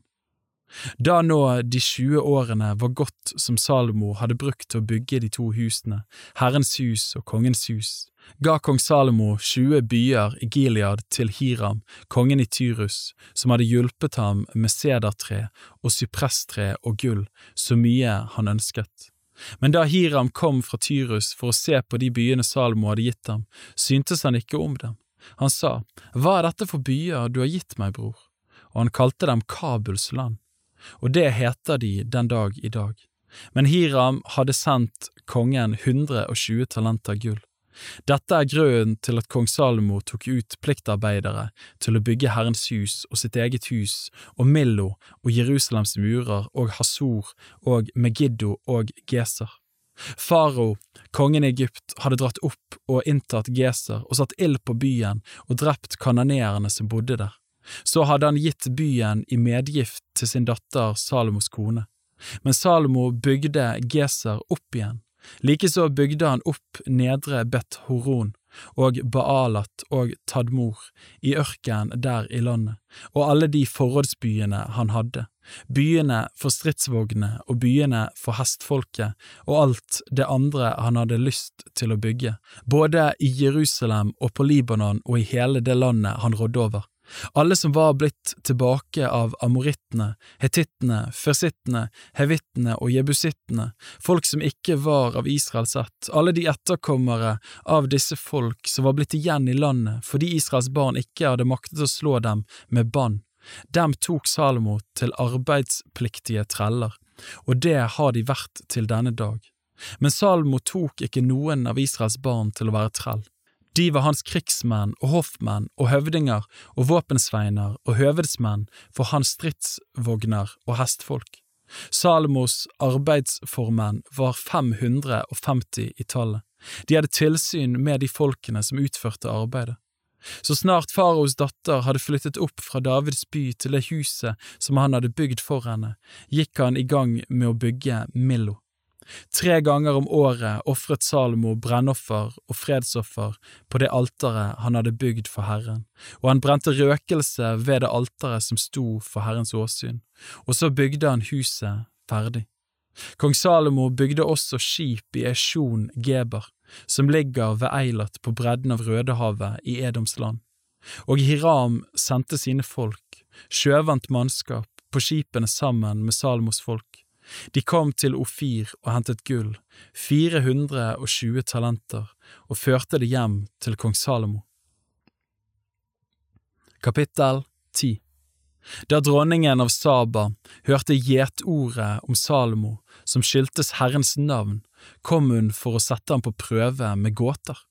Hun kom til Jerusalem med et stort følge, med kameler som bar krydderier og en stor mengde gull og edelstener. Da hun var kommet til Salomo, talte hun med ham om alt som lå henne på hjertet. Men Salomo svarte på alle gåtene hennes. Det var ikke et ord av det hun sa som var skjult for kongen, så han ikke kunne svare på det. Da dronningen av Saba så all Salmos visdom og så det huset han hadde bygd, og rettene på hans bord, og hvordan hoffmennene satt ved bordet, og bordsveinene som dro omkring, hvordan de var kledd, og hans munnskjenker og trappen som han gikk opp på til Herrens hus, ble hun rent ute av seg selv av forundring. Og hun sa til kongen, så var det da sant det jeg hørte hjemme i mitt land om deg og din visdom. Jeg trodde ikke det de fortalte, før jeg kom og fikk se det med egne øyne men nå ser jeg at de ikke har fortalt meg halvparten. I visdom og lykke er du enda større enn det gjetordet jeg har hørt. Lykkelige er dine menn, og lykkelige er disse tjenerne dine, som alltid står for ditt åsyn og hører din visdom. Lovet være Herren din Gud, som hadde velbehag i deg, så han satte deg på Israels trone. Fordi Herren elsker Israel til evig tid, satte han deg til konge for å håndheve rett og rettferdighet. Så ga hun kongen 120 talenter gull og krydderier i stor mengde og edelsteiner. Aldri er det siden kommet en slik mengde krydderier til landet som det dronningen av Saba ga kong Salomo. Men også Hirams skip som hentet gull fra Ofir, hadde ført sandeltre i stor mengde og edelsteiner med derfra. Av sandeltreet lot kongen lage rekkverk til Herrens hus og til kongens hus og sitarer og harper for sangerne. Aldri er det siden kommet eller blitt satt så mye sandeltre i landet, og kong Salomo ga dronningen av Saba alt det hun hadde lyst til og ba om, i tillegg til de gaver som det sømmet seg for så mektig en konge som Salomo å gi henne. Så tok hun av sted og dro hjem til sitt land med tjenerne sine. Vekten av det gullet som i ett år kom inn til Salomo, var 666 talenter, i tillegg til det som kom inn fra kjøpmennene og fra reisende handelsmenn og fra alle kongene i Arabia og fra stattholderne i landet. Kong Salomo laget 200 store skjold av hamret gull. De gikk med 600 sekel gull til hvert skjold og 300 små skjold av hamret gull. Til hvert av disse skjoldene gikk det med tre miner gull, og kongen satte dem i Libanon-skoghuset. Kongen laget også en stor elfenbenstrone og kledde den med rent gull. Tronen hadde seks trinn, og på baksiden var det en rund topp. På begge sider av setet var det armlener, og ved siden av dem sto det to løver. Tolv løver sto det der, én på hver side av de seks treene. Noe slikt har aldri vært laget i noe annet kongerike. Alle kong Salomos drikkekar var av gull, og alle karene i Libanon-skoghuset var av fint gull. Ingenting var av sølv, sølvet ble ikke regnet for noe i Salomos dager. For kongen hadde Tarses skip på havet sammen med Hirams skip. En gang hvert tredje år kom Tarses-skipene hjem, lastet med gull og sølv, elfenben og aper og påfugler. Kong Salmo ble større enn alle jordens konger i rikdom og visdom. Fra alle jordens kanter kom folk for å se kong Salomo og høre hans visdom som Gud hadde lagt i hans hjerte. Alle hadde gaver med, sølvkar og gullkar, og klær og våpen og krydderier, hester og myldyr. Slik gjorde de år etter år. Salomo la seg til mange stridsvogner og hestfolk. Han hadde 1400 stridsvogner og 12 000 hestfolk. Noen av dem la han i vognbyene og noen hos seg selv i Jerusalem. Kongen gjorde sølv i Jerusalem like vanlig som stein, og sedertre like så vanlig som morbærtrærne i lavlandet. Hester ble innført til Salomo fra Egypt og fra Kue. Kongens kjøpmenn kjøpte dem i Kue og hentet dem der. Hver vogn som ble hentet fra Egypt og innført, kostet 600 sekel sølv, og hver hest 150 sekel. På samme måte hentet de også vogner og hester derfra til alle hetittenes konger og til kongene i Syria. Kapittel 11 Men kong Salomo elsket mange fremmede kvinner i tillegg til faraos datter moabittiske, ammonittiske, edomittiske, sidoniske, hetittiske, kvinner av de hedningefolkene som Herren hadde talt om og sagt til Israels barn, dere skal ikke gi dere i lag med dem, og de ikke med dere, ellers kommer de forvisst til å vende hjertene deres til sine guder. Disse kvenene holdt Salmo seg til, og dem elsket han. Han hadde 700 koner av fyrstelig rang og 300 medhustruer. Disse konene hans bøyde hans sinn. Da Salmo ble gammel, vendte konene hans hjerte til andre guder, og hans hjerte var ikke helt med Herren, hans Gud, slik som hans far Davids hjerte hadde vært. Salomo fulgte Astarte, sidoniernes guddom, og Milkom, ammonittenes styggedom og Salomo gjorde det som ondt var i Herrens øyne. Han fulgte ikke trofast etter Herren slik som hans far David hadde gjort. På den tiden bygde Salomo en offerhaug for Kamosh, Moabs styggedom, på det fjellet som ligger midt imot Jerusalem, og for Molok, Ammons barns styggedom. Det samme gjorde han for alle sine fremmede koner, som brente røkelse og ofret til sine guder. Da ble Herren vred på Salomo fordi han hadde vendt hjertet bort fra Herren, Israels Gud, som hadde åpenbart seg for ham to ganger, og uttrykkelig forbudt ham å følge andre guder. Men han hadde ikke holdt seg etter det som Herren hadde befalt. Da sa Herren til Salomo, siden det er slik med deg, og du ikke har holdt min pakt og mine lover, som jeg har gitt deg, så vil jeg rive riket fra deg og gi det til din tjener men for din far Davids skyld vil jeg ikke gjøre det i din tid, men jeg vil rive riket ut av din sønns hånd. Jeg vil likevel ikke rive hele riket fra ham. En stamme vil jeg gi din sønn for min tjener Davids skyld og for Jerusalems skyld, som jeg har utvalgt. Og Herren reiste opp en motstander mot Salomo, det var edomitten Hadad, han var av kongeætten i Edom. Den gang David var i Edom, dro hærføreren Joab opp for å begrave de falne, og han slo i hjel alle menn i Edom. I seks måneder ble Joab og hele Israel der, til han hadde utryddet alle menn i Edom. Da flyktet Hadad med noen edomittiske menn som var tjenere hos hans far, og tok veien til Egypt. Hadad var den gang en liten gutt. De brøt opp fra Midian og kom til Paran. Fra Paran tok de noen menn med seg og kom så til Egypt til farao, kongen i Egypt. Han ga ham et hus og lovte ham underhold og lot ham få jord. Hadad fikk stor godvilje hos farao, så han ga ham en søster av sin egen kone, dronning Tapenes, til kone. Og Tapenes søster fødte ham sønnen Genubat. Tapenes oppfostret ham i faraos hus, og siden var Genubat i faraos hus sammen med faraos egne sønner. Da nå Hadad i Egypt fikk høre at David hadde lagt seg til hvile hos sine fedre, og at hærføreren Joab var død, sa han til farao, La meg fare så jeg kan dra hjem til mitt land. Farao sa til ham, Hva mangler du her hos meg, siden du ønsker å dra hjem til ditt land? Han svarte, Ingenting, men du må endelig la meg få fare. Gud reiste også opp en annen motstander for Salomo. Det var Reson, Eljadas sønn, som hadde flyktet fra sin herre Hadadeser, kongen i Soba. Reson samlet folk om seg og ble høvding for en røverflokk etter at David hadde slått folket i Soba. Resons skare dro til Damaskus og slo seg ned der og gjorde seg til herrer i Damaskus. Han var en motstander av Israel så lenge Salomo levde, både han og Hadad voldte Israel skade. Han hatet Israel og var konge over Syria. Jereboam, sønn av Nebat, fra Serada i Efraim, var en av Salomos tjenere. Hans mor hette Seruja og var enke. Også han reiste seg mot kongen. Slik gikk det til at han reiste seg mot kongen. Salomo bygde på Millo, han ville lukke det åpne stedet i muren omkring sin far Davids by. Nå var Jeroboam en dyktig kar, da Salomo så at den unge mannen var en dugelig arbeider, satte han ham til å ha tilsyn med alt det arbeidet som var pålagt Josefs hus.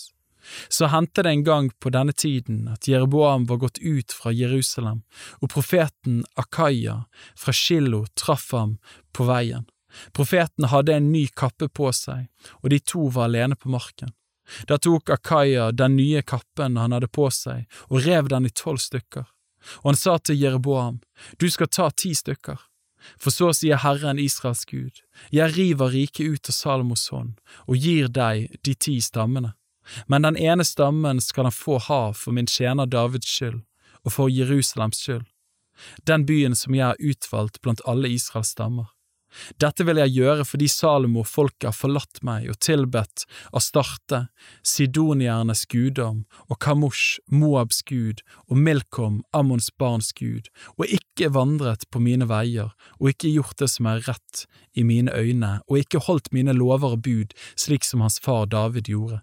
Men jeg vil ikke ta noe av riket fra ham selv, men la ham være fyrste så lenge han lever, for min tjener Davids skyld, som jeg utvalgte og som holdt seg etter mine bud og lover. Men jeg vil ta riket fra hans sønn og gi deg de ti stammene. Men hans sønn vil jeg gi én stamme, for at min tjener David alltid må ha en lampe brenne for mitt åsyn i Jerusalem, den byen jeg har utvalgt meg for å la mitt navn bo der. Men jeg vil ta deg og sette deg til å råde over alt du ønsker, og la deg være konge over Israel. Hvis du hører på alt det jeg byr deg, og vandrer på mine veier og gjør det som er rett i mine øyne, så du holder mine lover og bud, slik som min tjener David gjorde, så vil jeg være med deg og bygge deg et hus som står fast, slik som jeg gjorde for David, og jeg vil gi deg Israel. Og Davids ett vil jeg ydmyke på grunn av det som er gjort, men ikke for alle tider. Salomo forsøkte nå å drepe Jeroboam, men Jeroboam tok av sted og flyktet til Egypt, til Shishak, kongen i Egypt, og han ble i Egypt til Salomo var død. Det som ellers er å fortelle om Salomo, om alt det han gjorde, om hans visdom, det er skrevet i Salomos krønike. Den tid Salomo var konge i Jerusalem over hele Israel, var 40 år. Så la Salomo seg til hvile hos sine fedre og ble begravet i sin far Davids by, og hans sønn Rehabeam ble konge etter ham. Kapittel 12 Rehabeam dro til Sikhem, for hele Israel var kommet til Sikhem for å gjøre ham til konge. Jeroboam, Nebats sønn, fikk høre dette. Han var ennå i Egypt, for han hadde flyktet dit for kong Salomo, og der bodde han. Nå sendte de bud på ham og kalte ham hjem. Da kom han og hele Israels forsamling og talte til Rehabeam og sa, Din far gjorde vårt åk tungt, men hvis nå du vil gjøre den harde tjenesten og det tunge åket som din far la på oss, lettere, så vil vi tjene deg. Han svarte dem, Gå bort og vent i tre dager, og kom så hit til meg igjen. Så gikk folket bort. Kong Rehabeam rådførte seg med de gamle, som hadde gjort tjeneste hos hans far Salomo mens han ennå levde, og han sa, Hva råder dere meg til å svare dette folket? De sa til ham, Hvis du i dag hører på folket og retter deg etter dem og gir dem gode ord til svar, så vil de være dine tjenere for alle tider.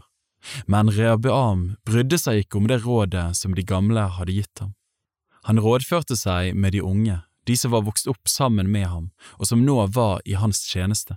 Han spurte dem, Hva råder dere til at vi skal svare dette folket som har sagt til meg, gjør det åket lettere som din far la på oss? Og de unge som var vokst opp sammen med ham, svarte ham, Dette folket har sagt til deg, din far gjorde vårt åk tungt, men gjør du det lettere for oss? Slik skal du svare dem, Min lillefinger er tykkere enn min fars midje. Har min far lagt et tungt åk på dere, så vil jeg gjøre åket enda tyngre. Har min far tuktet dere med sveper, så vil jeg tukte dere med skorpioner. Så kom Jeroboam og hele folket til Rehabeam den tredje dagen, slik som kongen hadde sagt, kom til meg igjen om tre dager. Da ga kongen folket et hardt svar, han brydde seg ikke om det rådet som de gamle hadde gitt ham, men svarte dem slik som de unge hadde rådet til.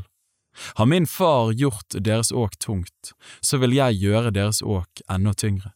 Har min far tuktet dere med sveper, så vil jeg tukte dere med skorpioner. Kongen hørte ikke på folket. Herren styrte det slik for at hans ord skulle bli oppfylt, det som Herren hadde talt til Jeroboam, Nebats ved Akia fra Shilo. Da nå hele Israel så at kongen ikke hørte på dem, svarte folket kongen og sa, Hva del har vi i David? Vi har ingen lodd i Isais sønn. Til dine telt, Israel, sørg nå selv for ditt hus, David. Så dro Israel hjem igjen. Det var bare de Israels barn som bodde i Judas byer, som fikk Rehabeam til konge. Kong Rehabeam sendte så Adoram til dem, han som hadde oppsyn med pliktarbeidet men hele Israel steinet ham så han døde. Kong Rehabeam selv måtte i all hast springe opp i vognen sin og flykte til Jerusalem. Slik falt Israel fra Davids hus, og slik har det vært til denne dag. Da hele Israel hørte at Jeroboam var kommet tilbake, sendte de bud etter ham. De kalte ham til folkeforsamlingen og gjorde ham til konge over hele Israel. Det var ikke noen som holdt seg til Davids hus, unntatt Judas stamme. Da Rehabeam kom til Jerusalem, samlet han hele Judas hus og Benjamins stamme, 180 000 utvalgte krigsmenn, for at de skulle kjempe mot Israels hus og vinne riket tilbake for Rehabeam, Salomos sønn. Da kom Guds ord til Guds mann, Shemaya, og det lød så, Si til Rehabeam, Salomos sønn, Judas konge, og til hele Judas og Benjamins hus og resten av folket, så sier Herren, dere skal ikke dra opp og kjempe mot deres brødre, Israels barn. Vend hjem igjen hver til sitt hus, for det som har hendt er kommet fra meg. Da adlød de Herrens ord, de vendte om og dro bort, som Herren hadde sagt. Jeroboam bygde Sikhem i Eifreimfjellet om til en befestet by og bosatte seg der. Siden dro han derfra og bygde også Pnuel opp til en befestet by. Og Jeroboam tenkte ved seg selv, riket kunne snart komme tilbake til Davids hus. Dersom dette folket drar opp for å bære fram offer i Herrens hus i Jerusalem, så vil deres hjerte igjen vende seg til deres herre Rehabeam, Judas konge. Og så vil de drepe meg og vende tilbake til Judas konge, Rehabiam. Kongen holdt rådslagning. Så laget han to gullkalver, og han sa til folket, Lenge nok har dere dratt opp til Jerusalem. Se, her er gudene deres, Israel, som førte deg opp fra landet Egypt. Og han stilte opp den ene gullkalven i Betel, den andre satte han i Dan. Dette ble en årsak til synd. Folket gikk helt til Dan og trådte fram for den ene gullkalven der. Jereboam bygde også hus på offerhaugene og gjorde hvem han ville av folket til prester, ennå de ikke var av Levis sønner. I den åttende måneden, på den femtende dagen i måneden, holdt Jeroboam en fest i likhet med den som holdes i Juda, og han ofret på alteret. Slik gjorde han i Betel. Han ofret til kalvene som han hadde laget, og han lot dem som han hadde gjort til prester ved offerhaugene, gjøre tjeneste i Betel. Han ofret på det alteret han hadde laget i Betel, den femtende dagen i den åttende måneden, den måneden som han hadde valgt etter sitt eget hode. Da holdt han en fest for Israels barn og ofret på alteret og brente røkelse. Kapittel 13 Da kom det på Herrens bud en Guds mann til Betel fra Juda. Han kom nettopp som Jeroboam sto ved alteret for å brenne røkelse, og han ropte på Herrens bud mot alteret, Alter, alter, så sier Herren, det skal fødes en sønn for Davids hus, Joshia skal han hete, og på deg skal han ofre offerhaugens prester, de som brenner røkelse på deg, og det skal brennes menneskeben på deg. Samtidig kunngjorde han et tegn og sa, Dette er tegnet på at Herren har talt, alteret skal revne, og asken som er på det skal bli spredt utover. Da kong Jeroboam hørte de ordene som Guds mann ropte mot alteret i Betel, rakte han hånden ut fra alteret og sa Grip ham! Da visnet hånden som han rakte ut mot ham, han kunne ikke dra den til seg igjen, og alteret revnet og asken ble spredt fra alteret. Det var det tegnet som Guds mann hadde forsynt på Herrens bud.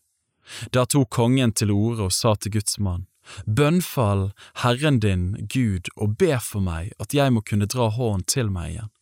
Guds mann bønnfalt da Herren, og kongen kunne dra hånden til seg igjen, den ble som den hadde vært før. Da sa kongen til Guds mann, Kom hjem med meg og få noe å styrke deg på, og la meg få gi deg en gave. Men Guds mann sa til kongen, Om du ga meg halvdelen av ditt hus, ville jeg likevel ikke gå hjem til deg. På dette stedet vil jeg verken ete brød eller drikke vann. For dette påbudet fikk jeg av Herren, du skal verken ete brød eller drikke vann, og du skal ikke vende tilbake den samme veien som du kom. Så tok han av sted, og han dro ikke tilbake den samme veien han var kommet til Betel. Nå bodde det i Betel en gammel profet.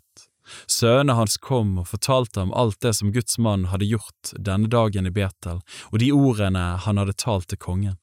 Da sønnene hadde fortalt sin far dette, spurte han dem, hvilken vei tok han? Hans sønner hadde sett hvilken vei Guds mann fra Juda hadde reist. Da sa han til sønnene sine, sal eselet for meg. Så salte de eselet for ham, og han satte seg på det, og han red av sted etter Guds mann. Han fant ham sittende under en terabinte, og sa til ham, Er du den Guds mann som er kommet fra Juda? Han svarte, Ja, det er jeg. Da sa han til ham, Kom hjem med meg og få deg litt mat. Men han sa, Jeg kan ikke vende tilbake med deg og komme hjem til deg, jeg vil verken ete brød eller drikke vann med deg på dette stedet. For det kom et ord til meg fra Herren, du skal verken ete brød eller drikke vann der, du skal ikke gå tilbake den veien du kom. Da sa han til ham, Jeg er også en profet like som du, og en engel har talt et ord til meg fra Herren. Og han sa, Få ham med deg tilbake til ditt hus, så han kan få seg mat og drikke. Men da han sa dette, løy han for ham. Så vendte han da tilbake med ham og åt og drakk i hans hus. Men mens de satt til bords, kom Herrens ord til den profeten som hadde fått ham med seg tilbake. Han ropte til Guds mann som var kommet til Juda. Så sier Herren, fordi du var gjenstridig mot Herrens ord og ikke holdt det bud Herren din Gud ga deg, men vendte tilbake og åt og drakk på det stedet hvor han hadde sagt at du verken skulle ete eller drikke, så skal ditt lik ikke komme i dine fedres grav. Da han nå hadde ett og drukket, salte de eselet for ham, for profeten som han hadde fått med seg tilbake. Så dro han av sted men på veien kom det en løve imot ham og drepte ham. Liket lå slengt bortetter veien, og eselet sto ved siden av det. Løven sto også ved siden av liket. Da kom det noen menn forbi, de så liket som lå slengt bortetter veien, og løven som sto ved siden av liket. Da de kom til den byen hvor den gamle profeten bodde, fortalte de det der. Da profeten som hadde fått ham med tilbake fra veien, hørte dette, sa han, det er den Guds mann som var gjenstridig mot Herrens ord. Derfor har Herren gitt ham i løvens vold. Den har revet ham i hjel etter det ordet som Herren hadde talt til ham. Og profeten sa til sønnene sine, Sal eselet for meg. Så salte de det. Han tok av sted og fant liket som lå slengt på veien, og eselet og løven som sto ved siden av det. Løven hadde ikke ett like, og heller ikke revet i hjel eselet. Da tok profeten opp liket av Guds mann og la det på eselet og førte ham tilbake. Den gamle profeten gikk inn i sin by for å holde sørgehøytid over ham og begrave ham. Han la liket i sin egen grav, og de holdt sørgehøytid over ham og ropte Ved min bror. Da han nå hadde begravet ham, sa han til sønnene sine, Når jeg dør, skal dere begrave meg i den graven hvor Guds mann ligger begravet. Dere skal legge mine ben ved siden av hans ben, for det skal gå i oppfyllelse, det ordet som han på Herrens bud ropte mot alteret i Betel og mot alle helligdommer på offerhaugene i Samarias byer. Men heller ikke etter dette omvendte Jeroboam seg fra sin onde vei. Han ble ved å gjøre hvem han ville folket til prester ved offerhaugene. Han innviet alle som hadde lyst til det, så de ble prester ved haugene.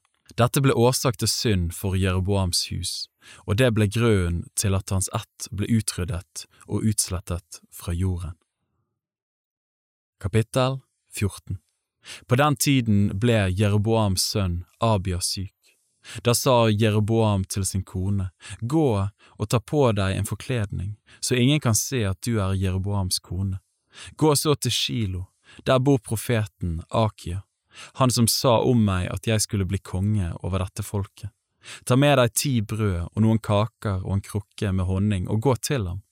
Han vil si deg hvordan det skal gå med gutten. Og Jereboams kone gjorde så. Hun ga seg i vei og gikk til Kilo og kom til Akias hus. Men Akia kunne ikke se, for hans øyne var stive på grunn av hans alder. Men Herren hadde sagt til Akia, nå kommer Jeroboams hustru for å høre hva du vil si om sønnen hennes, for han er syk. Så og så skal du si til henne, men når hun kommer, vil hun late som om hun er en fremmed. Da Noakia hørte lyden av fottrinnene hennes i døren, sa han, Kom inn, Jeroboams hustru, hvorfor later du som du er en fremmed? Det er pålagt meg å forkynne deg et hardt budskap. Gå og si til Jeroboam, så sier Herren, Israels Gud, jeg har opphøyet deg midt iblant folket og satt deg til fyrste over mitt folk Israel. Jeg har revet riket fra Davids hus og gitt det til deg. Men du har ikke vært som min tjener David, han som holdt mine bud og fulgte meg av hele sitt hjerte, så han ikke gjorde annet enn det som var rett i mine øyne. Men du har båret deg verre at enn alle de som har vært før deg. Du har gått av sted og gjort deg andre guder og støpt bilder, og dermed har du vakt min harme. Du har kastet meg bak din rygg. Derfor vil jeg føre ulykke over Jeroboams hus, og utrydde av Jeroboams ett alle menn, både umyndige og myndige i Israel. Jeg vil feie etter Jeroboams hus, som en feier vekk skitt, til det ikke er noe igjen. Den av Jeroboams ett som dør i byen, skal høene fortære, og den som dør på marken, skal himmels fugler fortære, for så har Herren talt. Stå nå du opp og gå hjem. Så snart føttene dine trer inn i byen, skal barnet dø, og hele Israel skal holde sørgehøytid over ham, og de skal begrave ham. Han er den eneste av Jeroboams hus som skal komme i grav, fordi han var den eneste i Jeroboams hus som Herren Israels Gud fant noe hos som han hadde velbehag i. Men Herren skal reise opp for seg en konge over Israel som skal utrydde Jeroboams hus på én dag. Men hva sier jeg? Allerede nå er det skjedd. Herren skal slå Israel så det blir som sivet som svaier hit og dit i vannet. Han skal rykke Israel opp av dette gode landet som han ga deres fedre, og strø dem omkring på den andre siden elven, fordi de har gjort seg av startebilder og vakt Herrens harme. Han skal gi Israel i fiendens vold på grunn av de synder som Jeroboam har gjort, og som han har fått Israel til å gjøre. Da sto Jeroboams kone opp og gikk sin vei. Hun kom til Tirsa, og med det samme hun trådte på husets dørterskel, døde gutten. De begravde ham, og hele Israel holdt sørgehøytid over ham, slik som Herren hadde sagt for sin tjener, profeten Akia. Hva som ellers er å fortelle om Jeroboam, om krigene hans og om hans regjering, det er oppskrevet i Israels kongers krønike. Den tid Jeroboam var konge, var 22 år. Så la han seg til hvile hos sine fedre, og hans sønn Nadab ble konge etter ham. Rehabeam, Salomos sønn, var konge i Juda. Han var 41 år gammel da han ble konge, og han regjerte i 17 år i Jerusalem, den byen som Herren hadde utvalgt blant alle Israels stammer for å la sitt navn bo der.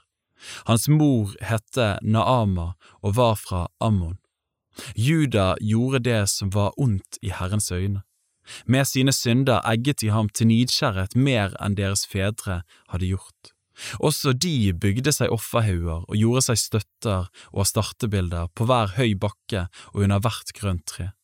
Det var til og med folk i landet som drev tempel utukt. De tok etter de avskyelige skikkene hos alle de hedningefolkene som Herren hadde drevet bort for Israels barn. Så hendte det i kong Rehabeams femte år at Shishak, kongen i Egypt, dro opp mot Jerusalem.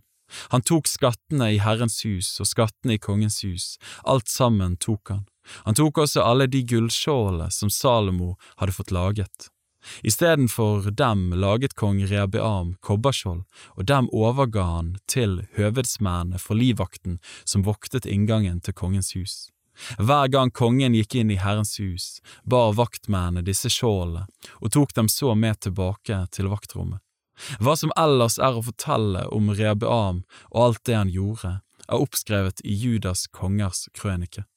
Mellom Rehabeam og Jeroboam var det krig hele tiden, og Rehabeam la seg til hvile hos sine fedre.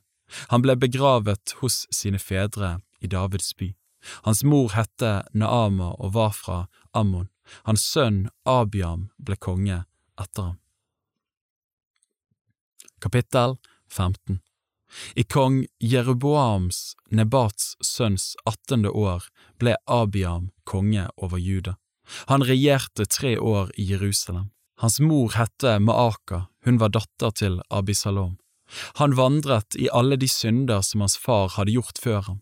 Hans hjerte var ikke helt med Herren, hans Gud, som hans far Davids hjerte hadde vært. Men for Davids skyld lot Herren hans Gud en lampe brenne for ham i Jerusalem. Han gjorde hans sønn til konge etter ham og lot Jerusalem bli stående, for David gjorde det som var rett i Herrens øyne. I hele sitt liv vek han ikke av fra noe av det Herren hadde befalt ham, unntatt i det som hendte med hetitten Uria. Mellom Rehabeam og Jeroboam var det krig så lenge han levde.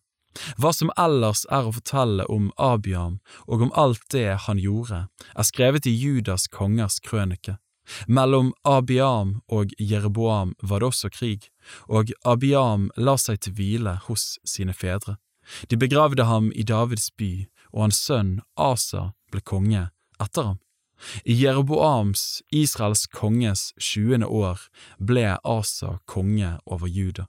Han regjerte 41 år i Jerusalem. Hans farmor het Maaka, hun var datter til Abisalom. Asa gjorde det som var rett i Herrens øyne, slik som hans far David hadde gjort. De som drev tempelutukt, drev han ut av landet, og han fikk bort alle de motbydelige avgudene som hans fedre hadde laget. Han avsatte endog sin farmor, Maaka, fra hennes verdighet fordi hun hadde laget et avskyelig bilde for å starte. Asa hogg hennes avskyelige avgudsbilde ned og brente det i Kidronsdal. Men offerhaugene ble ikke nedlagt. Likevel var Asas hjerte helt med Herren så lenge han levde. Han lot de gavene som hans far og han selv hadde helliget til Herren, føre inn i Herrens hus, både sølv og gull og andre ting. Mellom Asa og Basha, Israels konge, var det krig så lenge de levde. Basha, Israels konge, dro opp mot Juda og bygde festningsverker i Rama for at ingen skulle få komme fra eller til kong Asa i Juda. Da tok Asa alt det sølv og gull som var igjen i skattkamrene i Herrens hus, sammen med skattene i kongens hus, og overlot dem til tjenerne sine. Så sendte kong Asa dem til Benadad, kongen i Syria, som bodde i Damaskus og var sønn av Tamrimon, Hesjons sønn, med dette budskapet. Mellom meg og deg er det jo et forbund, som det var mellom min far og din far. Her sender jeg deg en gave av sølv og gull. Bryt nå ditt forbund med Basha, Israels konge, så han må dra bort fra meg. Ben-Hadad hørte på det som kong Asa sa, og sendte hærførerne sine mot Israels byer. Han inntok Ion og Dan og Abel Bet Maaka, og hele Skinneret med hele Naftalis land. Da Basha hørte det, holdt han opp med å bygge på festningsverkene i Rama og slo seg ned i Tirsa. Men kong Asa innkalte hele Juda, ingen var fritatt, og de førte bort steinene og tømmeret som Basha hadde brukt til festningsarbeidet i Rama. Med det bygde kong Asa festningsverker i Geba, i Benjamin og i Mispa. Det som ellers er å fortelle om Asa, om alle hans store gjerninger og alt det han gjorde, og om de byene han bygde, det er oppskrevet i Judas kongers krønike. Men i sin alderdom fikk han en sykdom i føttene og Asa la seg til hvile hos sine fedre. Han ble begravet hos sine fedre i sin far Davids by, og hans sønn Jushafat ble konge etter ham.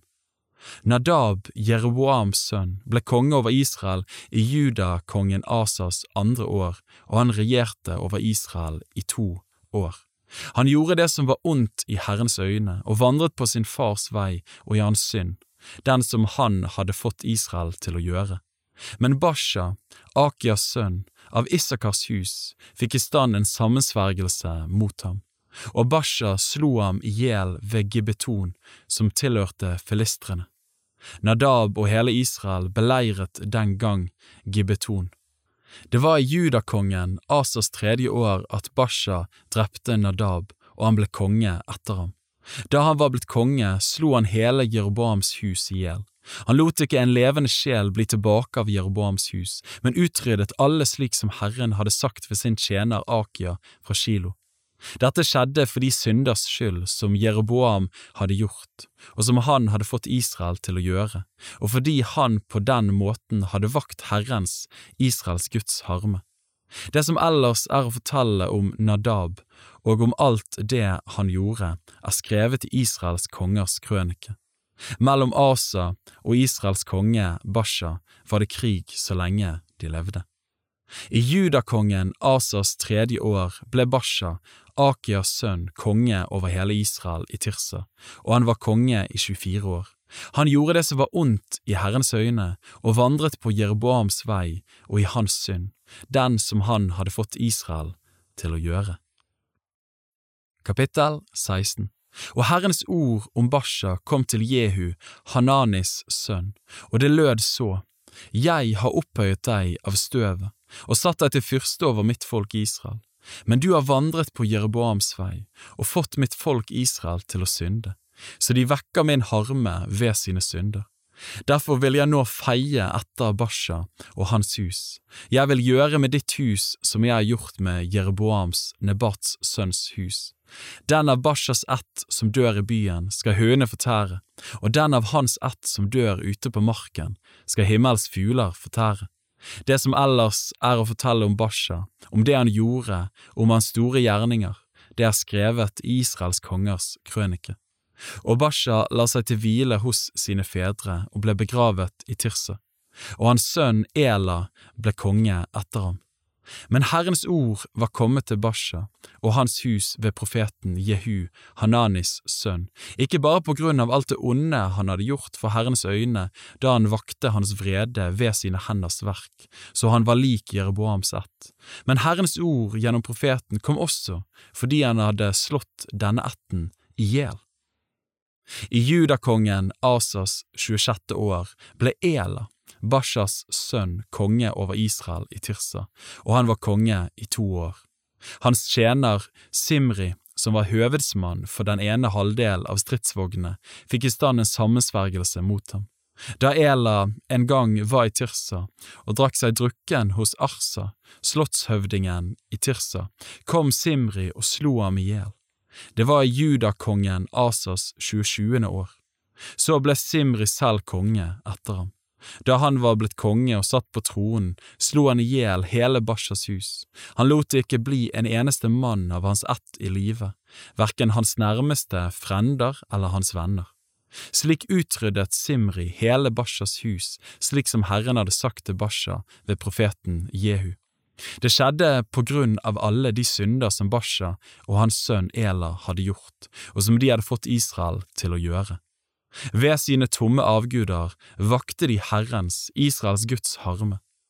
Det som ellers er å fortelle om Ela, om alt det han gjorde, er skrevet i Israels kongers krønike. I judakongen Asas 27. år ble Simri konge og regjerte i sju dager i Tirsa. Folket beleiret den gang Gibbeton, som tilhørte filistrene. Folket som lå der i leir, fikk høre at Simri hadde fått i stand en sammensvergelse og slått i hjel kongen. Samme dag gjorde da hele Israel der i leiren hærføreren Omri til konge over Israel. Så dro Omri med hele Israel opp fra Gibbeton, og de beleiret Tirsa. Men da Simri så at byen holdt på å bli inntatt, gikk han inn i borgen i kongens hus og brente kongens hus ned over hodet på seg, og slik døde han på grunn av de synder som han hadde gjort. Han gjorde det som var ondt i Herrens øyne, og vandret på Jeroboams vei og i den synd som Jeroboam hadde gjort, så han fikk Israel til å synde. Det som ellers er å fortelle om Simri og om den sammensvergelsen han fikk i stand, det er skrevet i Israels kongers krønike. Nå delte Israelfolket seg i to. Den ene halvdelen av folket holdt med Tibni, Ginats sønn, og gjorde ham til konge, men den andre halvdelen holdt med Omri. Men de som holdt med Omri, fikk overtaket over dem som holdt med Tibni, Ginats sønn. Så døde Tibni, og Omri ble konge. I judakongen Asas 31. år ble Omri konge over Israel, og han var konge i tolv år.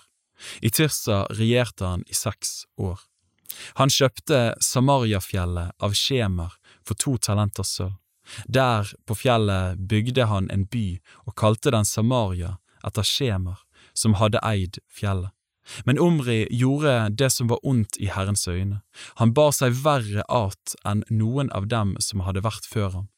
Han vandret på alle Jeroboams, Nebats sønns veier og i hans synder, dem som han hadde fått Israel til å gjøre så de vakte Herrens, Israels Guds harme, ved sine tomme guder. Det som ellers er å fortelle om Omri, om det han gjorde og om de store gjerninger han utførte, det er skrevet i Israels kongers krønike.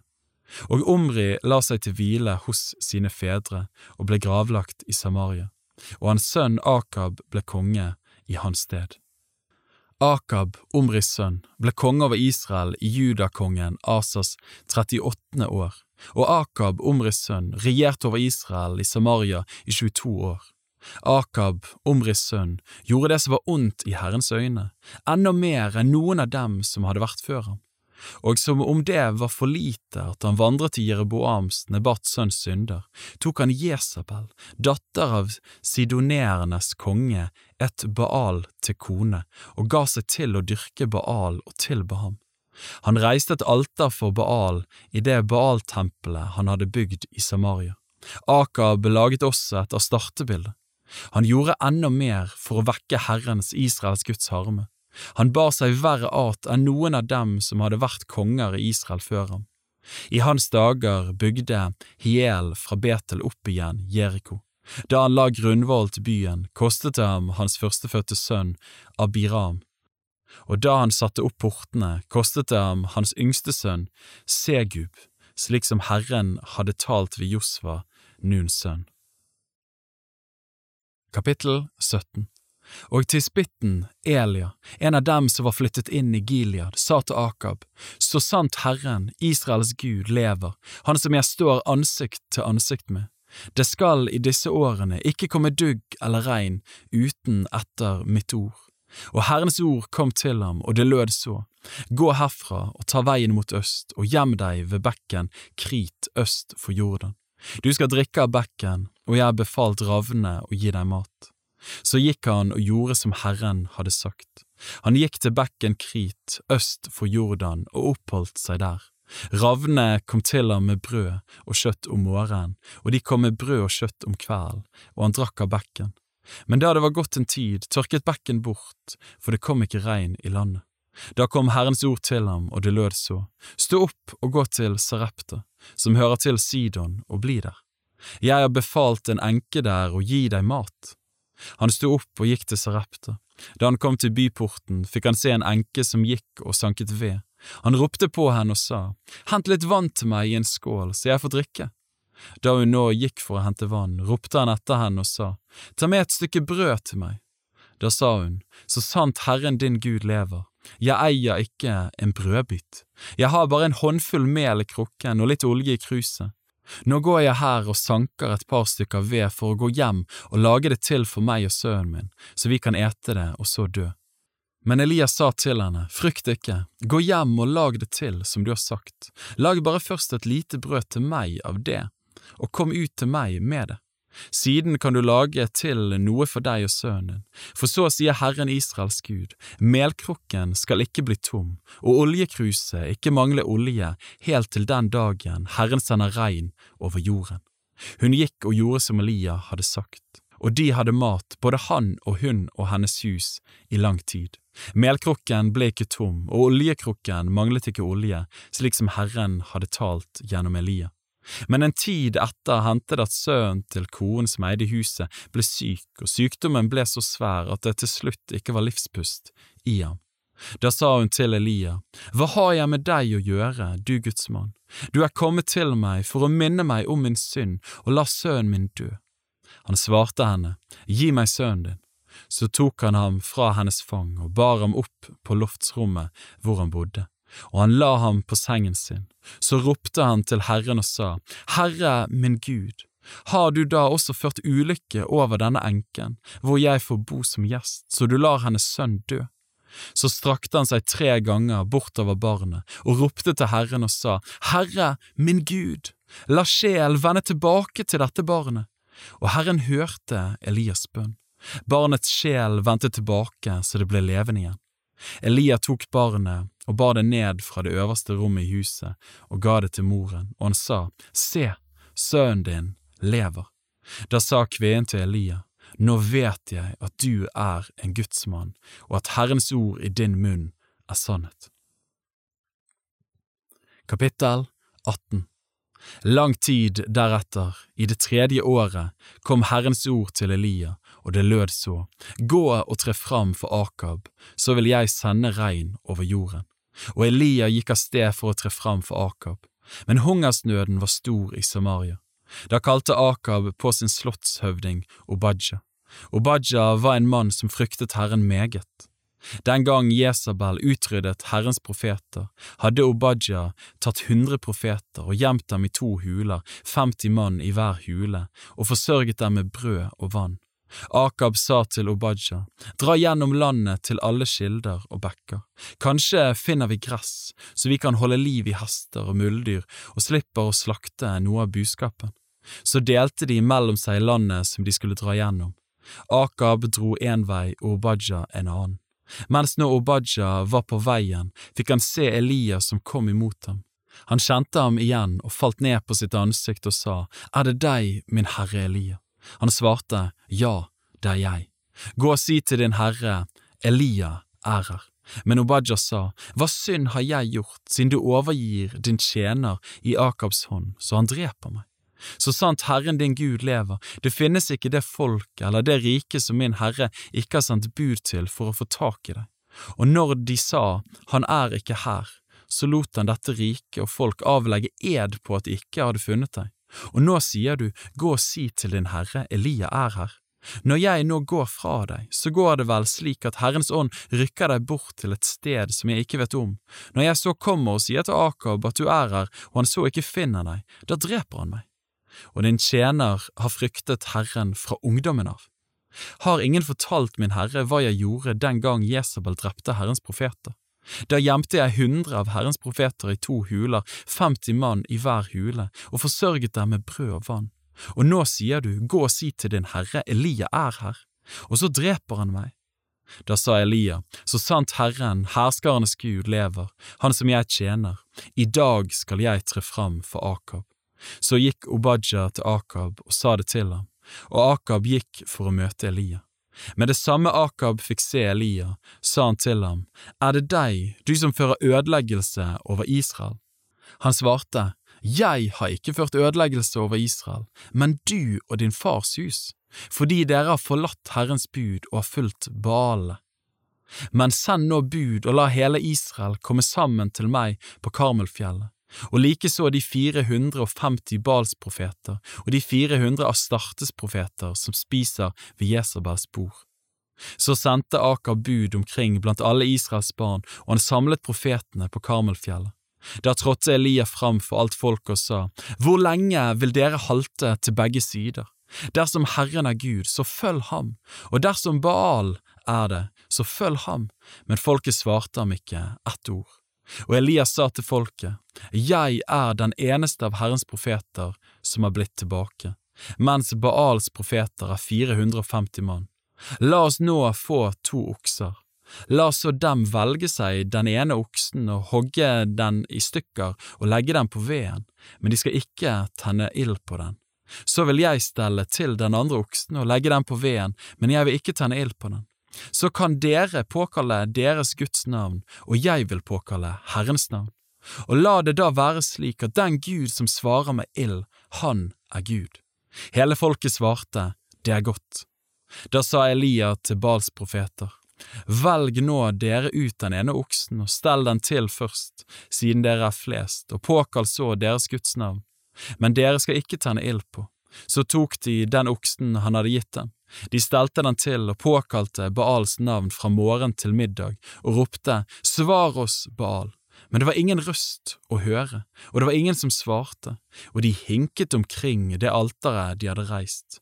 Men da det var blitt midt på dagen, spottet Elia dem og sa, Rop høyere, han er jo Gud! Han er vel falt i tanker, eller han er gått på do eller er ute på reise, kanskje han sover, så vil han vel våkne. Da ropte de enda høyere og flengte seg med sverd og spyd, slik som de hadde for skikk, til blodet rant ned over dem. Det led over middagstiden, og de holdt på å profetere til bortimot den tiden da matofferet blir båret fram. Men det var ingen røst å høre, og det var ingen som svarte, og ingen som aktet på dem. Da sa Elia til folkemengden, Kom hit til meg. Hele folket kom da bort til ham, og han satte i stand Herrens alter som var revet ned, og Elia tok tolv steiner etter tallet på Jakobs barns stammer, han som Herrens ord var kommet til, og det lød slik, Israel skal være ditt navn. Og han bygde av steinene et alter i Herrens navn, og han gjorde en grøft rundt om alteret så stor som omkring to måls utsed. Så la han veden til rette og hogg oksen i stykker og la den oppå veden. Og han sa, fyll fire krukker med vann og øs det ut over brennofferet og over veden. Så sa han, gjør det en gang til. Og de gjorde det andre gangen. Så sa han, gjør det tredje gang. Og de gjorde det tredje gangen, og vannet fløt rundt om alteret, også grøften fylte han med vann. Men ved den tiden da matofferet ble båret fram, trådte profeten Eliah fram og sa, Herre, Abrahams, Isaks og Israels Gud, la det i dag bli kjent at du er Gud i Israel, og at jeg er din tjener, og at det er på ditt ord jeg har gjort alt dette. Svar meg, Herre, svar meg, så dette folket må kjenne at du, Herre, er Gud, og at du nå vender deres hjerte tilbake til deg. Da falt Herrens ild ned og fortærte brennofferet og veden og steinene og jorden og slikket opp vannet som var i grøften, og hele folket så dette. De falt ned på sitt ansikt og sa, Herren, han er Gud, Herren, han er Gud. Da sa Elia til dem, Grip Baals profeter, la ingen av dem slippe unna. Og de grep dem, og Elia førte dem ned til bekken Kishon og drepte dem der.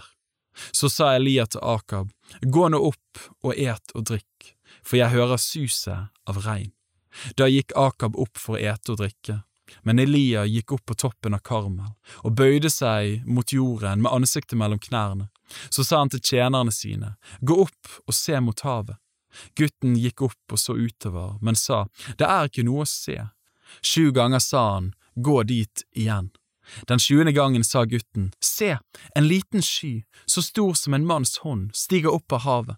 Da sa Elia, Gå opp og si til Akab, spenn for og far ned, så regnet ikke skal hindre deg.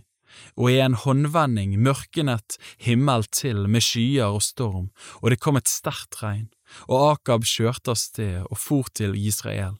Da kom Herrens hånd over Elia, han bandt opp om seg og sprang foran Akab helt til Israel. Kapittel 19 Akab fortalte Jesabel om alt det Elia hadde gjort, og hvordan han hadde drept alle profetene med sverd. Der sendte Jesabel en budbærer til Elia med disse ordene.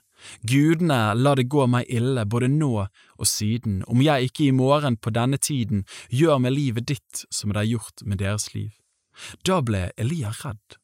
Han gjorde seg i stand og dro av sted for å berge livet, og han kom til Bersheba, som hører til Juda.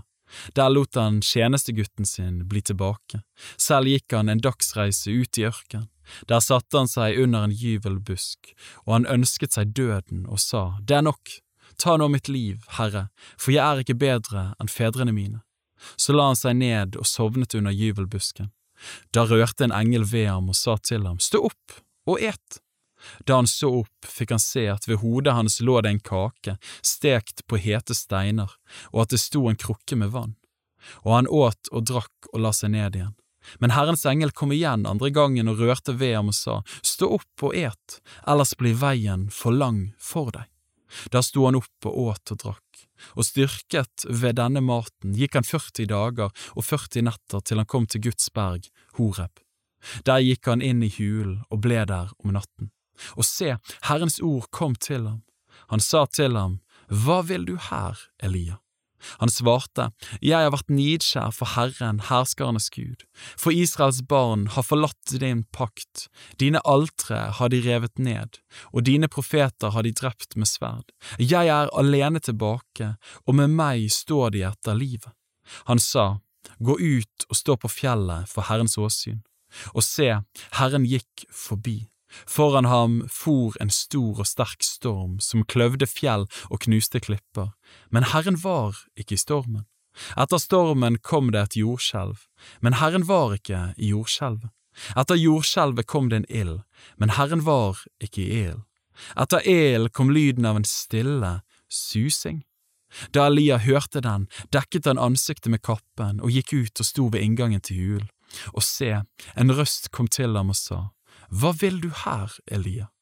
Han svarte, Jeg har vært nidskjær for Herren, herskarenes Gud, for Israels barn har forlatt din pakt, dine altre har de revet ned, og dine profeter har de drept med sverd. Jeg er alene tilbake, og meg står de etter livet. Da sa Herren til ham, Gå tilbake og ta veien til ødemarken ved Damaskus. Gå inn i byen og salv Hasael til konge over Syria. Jehu, Nimsis sønn, skal du salve til konge over Israel, og Elisha, Safats sønn fra Abel Mehola, skal du salve til profet i ditt sted. Og det skal gå slik at den som slipper unna Hasaels sverd, skal Jehu drepe, og den som slipper unna Jehus sverd, skal Elisha drepe. Men jeg vil la 7000 bli tilbake i Israel alle som ikke har bøyd kne for Baal, og alle som ikke har kysset ham med sin munn. Da Elia nå gikk derfra, møtte han Elisha, Safats sønn, som holdt på å pløye. Tolv par okser gikk foran ham, og selv var han ved det tolvte paret. Og Elia gikk bort til ham og kastet kappen sin over ham. Da forlot han oksene og sprang etter Elia og sa, La meg først få kysse min far og min mor, så vil jeg følge deg. Han svarte, Gå bare hjem, for hva har jeg gjort med deg? Så forlot han ham og gikk hjem, og han tok de to oksene og slaktet dem, og med oksenes åk kokte han kjøttet og ga det til folket der, og de åt. Så gjorde han seg ferdig og fulgte Elia og tjente ham. Kapittel 20 Syrakongen Ben-Hadad samlet hele hæren sin, og 32 konger fulgte ham med hester og vogner. Han dro opp og beleiret Samaria og kjempet mot byen. Han skikket sendebud inn i byen til Akab, Israels konge, med dette budskapet.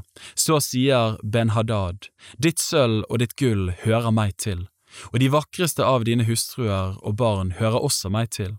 Israels konge svarte og sa, Det er som du sier, min herre konge, jeg og alt hva mitt er, hører deg til. Men sendebudene kom igjen og sa, Så sier Ben-Hadad, jeg sendte bud til deg og sa, ditt sølv og ditt gull og dine hustruer og dine barn skal du gi meg.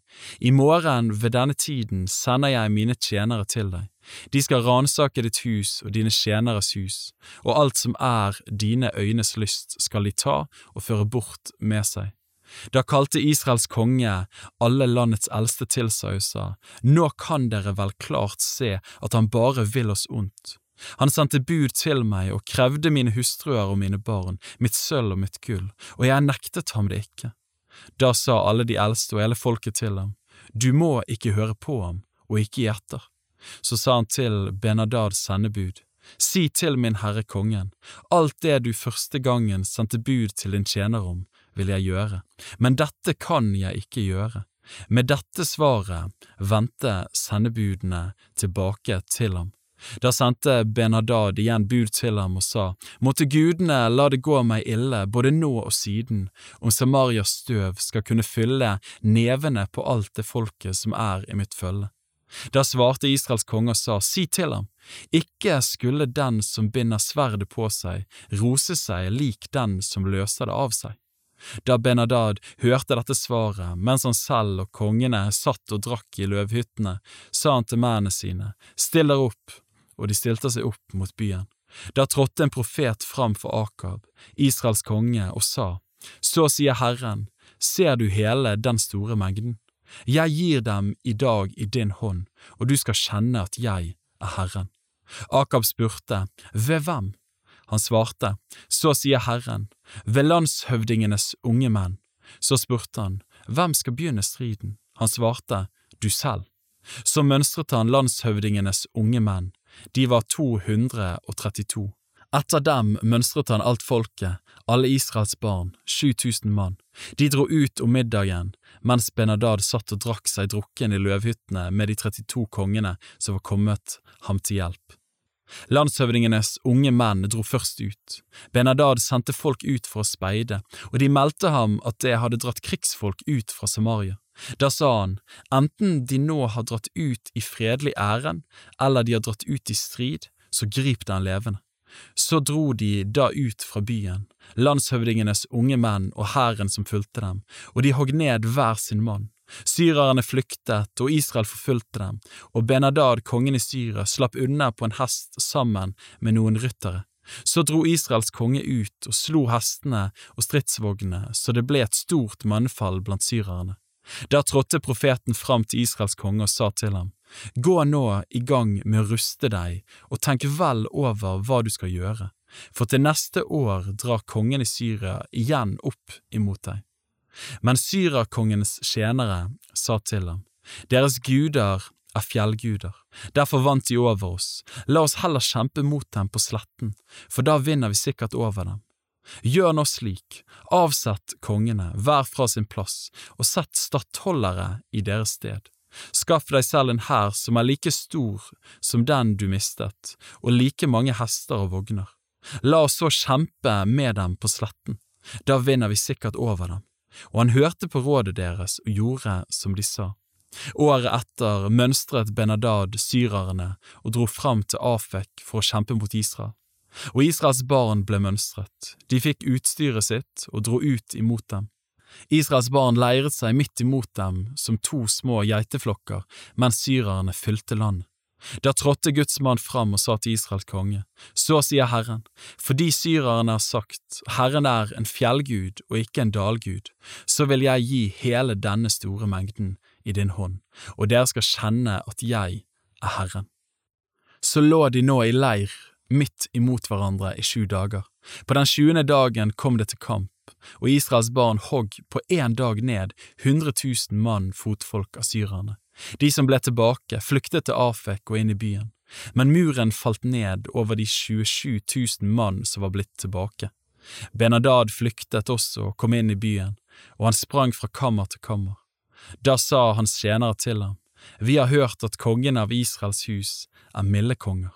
La oss kle oss i sekk og legge rep om hodet, og så gå ut til Israels konge. Kanskje han da la deg få leve. Så bandt de sekk om seg og la rep om hodet, og da de kom til Israels konge, sa de, Din tjener Benadad sier, La meg få leve. Han svarte, Er han ennå i live? Han er min bror. Mennene tok dette for et godt tegn, og de tok ham straks på ordet. De sa, Benadad er din bror. Da sa han, Gå og hent ham. Så kom Benadad ut til ham, og han lot ham stige opp i vognen sin. Og Benadad sa til ham, De byene som min far tok fra din far, vil jeg gi tilbake, og du kan bygge deg kjøpmannsgater i Damaskus, like som min far gjorde i Samaria. Akab svarte, På det vilkår vil jeg gi deg fri. Så sluttet han en pakt med ham og ga ham fri. Men en av profetenes disipler sa på Herrens bud til en annen, Slå meg, men mannen ville ikke slå. Da sa han til ham, Fordi du ikke lød Herrens røst, så skal en løve drepe deg når du går bort fra meg. Og da han gikk fra ham, kom en løve imot ham og drepte ham. Så møtte han en annen mann og sa, Slå meg, og mannen slo ham så han ble såret. Deretter gikk profeten og stilte seg på veien for å møte kongen, men han gjorde seg ukjennelig ved å legge et bind over øynene. Da når kongen kom forbi, ropte han til kongen, Din tjener var dratt ut og var med i striden. Men i det samme kom det en mann fram som førte en annen mann til meg og sa, Ta vare på denne mannen. Blir han borte, skal ditt liv tre i stedet for hans liv, eller også skal du betale meg en talent sølv. Men din tjener hadde noe å gjøre her og der, og så ble mannen borte. Da sa Israels konge til ham, Slik skal din dom være, du har selv felt det. Da skyndte han seg og rev bindet fra øynene, og Israels konge kjente ham og så at han var en av profetene. Profeten sa til ham, Så sier Herren, fordi du lot den mannen som jeg hadde bannlyst, slippe ut av hendene på deg, så skal ditt liv tre i stedet for hans liv, og ditt folk i stedet for hans folk. Så dro Israels konge hjem, mismodig og harm, og kom til Samaria. Kapittel 21 En tid etter skjedde dette. Israelitten Nabot hadde en vingård i Israel ved siden av et slott som tilhørte Akab, kongen i Samaria. Akab talte med Nabot og sa, Gi meg vingården din, så jeg kan ha den til grønnsakhage, for den ligger tett ved mitt hus. Jeg vil gi deg en bedre vingård i stedet for den, eller om du så synes, vil jeg gi deg så mye i penger som den er verd.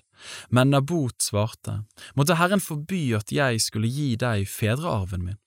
Så gikk Akab hjem, mismodig og harm for det svaret israelitten Nabot hadde gitt ham da han sa, Jeg vil ikke gi deg fedrearven min. Og han la seg på sengen og vendte ansiktet bort og ville ikke ha mat. Da kom hans kone Jesabel inn til ham, og hun spurte, Hvorfor er du så mismodig at du ikke vil ha mat? Han svarte, Jeg talte med israelitten Nabot og sa til ham, Gi meg vingården din for penger, eller om du heller vil det, så gir jeg deg en annen vingård i stedet. Men han sa, Jeg vil ikke gi deg min vingård. Da sa hans kone Jesabel til ham, Nå får du vise at du er konge over Israel. Stå opp, ta til deg mat og vær vel til mote. Jeg skal sørge for at du får israelitten Nabots vingård. Så skrev hun et brev i Akabs navn og satte seil på det med hans signetring. Hun sendte brevet til de eldste og fornemste som bodde i den samme byen som Nabot. I brevet skrev hun, Lys til en faste, og la Nabot sitte øverst blant folket. La så to fordervede menn sitte midt imot ham, så de kan vitne mot ham og si, Du har forbannet Gud og kongen. Før ham så ut og stein ham i hjel. Og mennene i byen, de eldste og stormennene i byen hans, gjorde det Jesabel hadde sendt bud til dem om, slik som det var skrevet i det brevet hun hadde sendt dem. De lyste til en faste og lot Nabot sitte øverst blant folket. Så kom to fordervede menn og satte seg midt imot dem, og de fordervede mennene vitnet mot Nabot, så folket hørte det og sa, Nabot har forbannet Gud og kongen, og de førte ham utenfor byen og steinet ham i hjel. Så sendte de bud til Jesabel og sa, Nabot er blitt steinet og er død. Med det samme Jesabel hørte at Nabot var blitt steinet og var død, sa hun til Akab, Stå opp og ta israelitten Nabots vingård i eie, den som han ikke ville la deg få for penger. For Nabot lever ikke lenger, han er død. Da Akab hørte at Nabot var død, sto han opp og ville gå ned til israelitten Nabots vingård og ta den i eie. Men Herrens ord kom til tispitten Elia, og det lød så. Stå opp, gå ned og møt Akab, Israels konge, som bor i Samaria. Nå er han i Nabots vingård. Han er gått dit ned for å ta den i eie, og du skal tale slik til ham. Så sier Herren, har du nå både myrdet og arvet? Og du skal si til ham, så sier Herren, på det stedet hvor hundene slikket Nabots blod, skal hundene også slikke ditt blod. Men Akab sa til Elia, har du funnet meg, du min fiende? Han svarte, ja, jeg har funnet deg, fordi du har solgt deg til å gjøre det som er ondt i Herrens øyne. Derfor vil jeg føre ulykke over deg og feie etter deg og utrydde alle menn i Akabs hus, både myndige og umyndige i Israel. Og jeg vil gjøre med ditt hus som med Jeroboams, Nabats sønns hus, og med Bashas, Akias sønns hus, fordi du har vakt min harme og fordi du har fått Israel til å synde. Også om Jesabel har Herren talt, og han har sagt, hundene skal fortære Jesabel ved Israels vold. Den av Akabs hus som dør i byen, skal hundene fortære, og den som dør ute på marken, skal himmels fugler fortære. Det har aldri vært noen som Akab, han som solgte seg til å gjøre det som var ondt i Herrens øyne, fordi hans kone Jesabel egget ham. Hans ferd var over all måte avskyelig. Han fulgte avgudene slik som amorittene hadde gjort, de som Herren drev bort for Israels barn. Men da Akab hørte det Elias sa, flerret han klærne sine og la sekk omkring seg og fastet, og han sov i sekk og gikk stille omkring. Da kom Herrens ord til tisbitten Elia, og det lød så, Har du sett at Akab har ydmyket seg for meg? Fordi han har ydmyket seg for meg, vil jeg ikke la ulykken komme i hans dager, men i hans sønns dager vil jeg la ulykken komme over hans hus. Kapittel 22 I tre år holdt de seg i ro, og det var ikke noen krig mellom Syria og Israel. Men i det tredje året hendte det at Jushafat, Judas konge, dro ned til Israels konge. Da sa Israels konge til tjenerne sine, vet dere ikke at Ramot Gilead hører oss til, og vi sitter stille og tar det ikke fra kongen i Syria?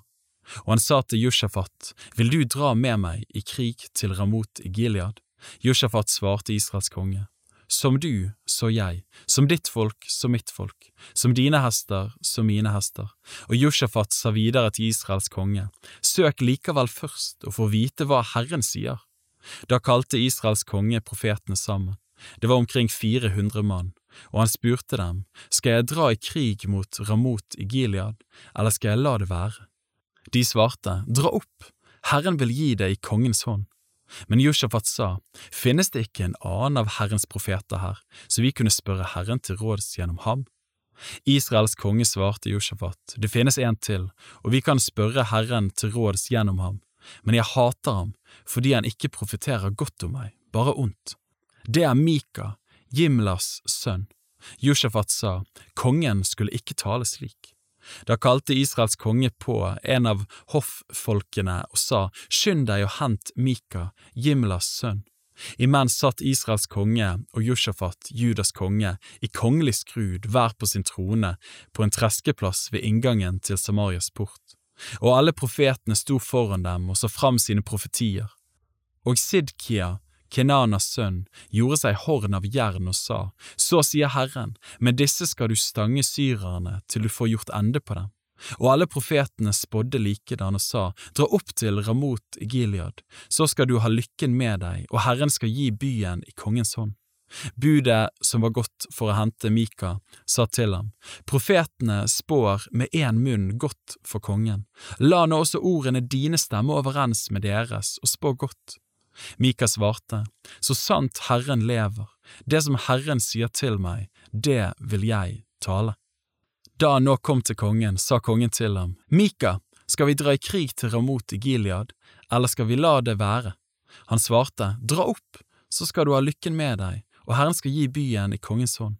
Men kongen sa til ham, Hvor mange ganger skal jeg ha det til å sverge på at du ikke skal tale annet til meg enn sannhet i Herrens navn? Da sa han, jeg så hele Israel spredt utover fjellet som en saueflokk uten gjeter. Og Herren sa, Disse har ingen herre, la dem vende tilbake i fred, hver til sitt hus. Da sa Israels konge til Jushafat, Var det ikke det jeg sa til deg, han profeterer ikke godt om meg, bare ondt. Men Mika sa, Så hør da Herrens ord. Jeg så Herren sitte på sin trone, og hele himmels hær stå omkring ham på hans høyre og venstre side. Og Herren sa, Hvem vil lokke Akab til å dra opp til Ramot i Gilead, så han faller der? Og den ene sa så, og den andre så.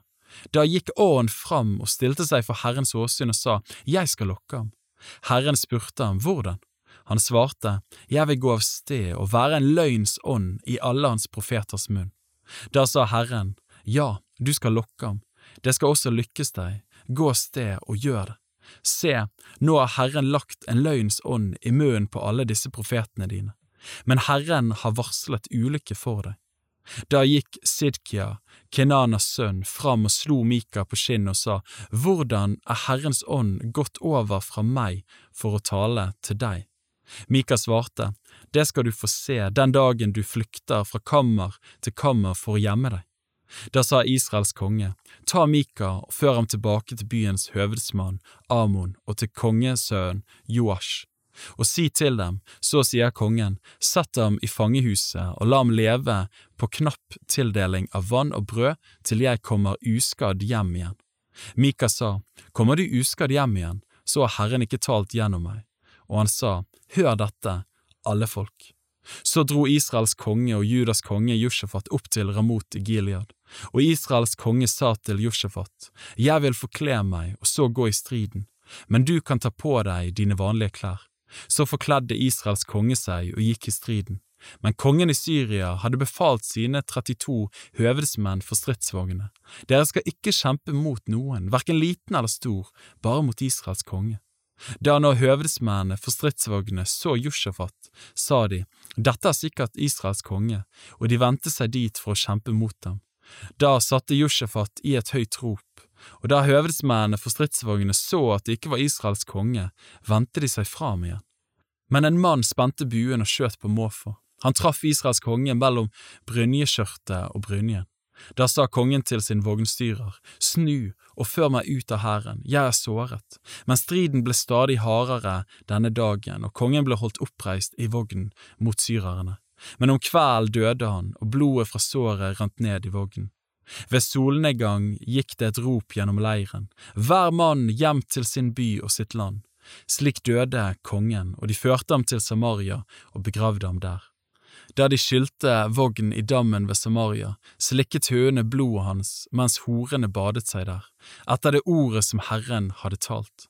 Det som ellers er å fortelle om Akab, om alt det han gjorde, om det elfenbenshuset han bygde og alle de byene han bygde, det er skrevet i Israels kongers krønike. Og Akab la seg til hvile hos sine fedre, og hans sønn Akasha ble konge etter ham. Jushafat, Asas sønn, ble konge over Juda i Akabs, Israels konges fjerde år. Jushafat var 35 år gammel da han ble konge, og han regjerte i Jerusalem i 25 år. Hans mor hette Asuba og var datter av Shilhi. Han vandret i ett og alt på sin far Asas vei, han vek ikke fra den, men gjorde det som var rett i Herrens øyne. Men offerhaugene ble ikke nedlagt. Folket ble ved å ofre og brenne røkelse på haugene. Jushafat holdt fred med Israels konge. Det som ellers er å fortelle om Jushafat, om de store gjerninger han gjorde, og om de krigene han førte, det er skrevet i Judas kongers krønike. De siste av dem som drev tempelutukt, de som var igjen fra hans far Asas tid, utryddet han av landet. Det var den gang ingen konge i Edom, en stattholder regjerte der. Josjafat hadde ti Tarsis-skip som skulle gå til Ofir etter gull, men de kom ikke av sted, for noen av skipene forliste ved Eshon Geber. Da sa Akasha, Akabs sønn, til Josjafat, la mine folk fare med dine folk på skipene, men Josjafat ville ikke det. Og Josjafat la seg til hvile hos sine fedre og ble begravet hos sine fedre i sin far Davids by, og hans sønn Joram ble konge etter ham. Akasha, Akabs sønn, ble konge over Israel i Samaria i Josjafats, Judas konges 17. år, og regjerte over Israel i to år. Han gjorde det som var ondt i Herrens øyne, og vandret på sin fars og sin mors vei og på Jeroboams, Nebats sønns vei, han som fikk Israel til å synde. Akasha dyrket Baal og tilba ham og vakte Herrens Israels Guds harme, slik som hans far hadde gjort.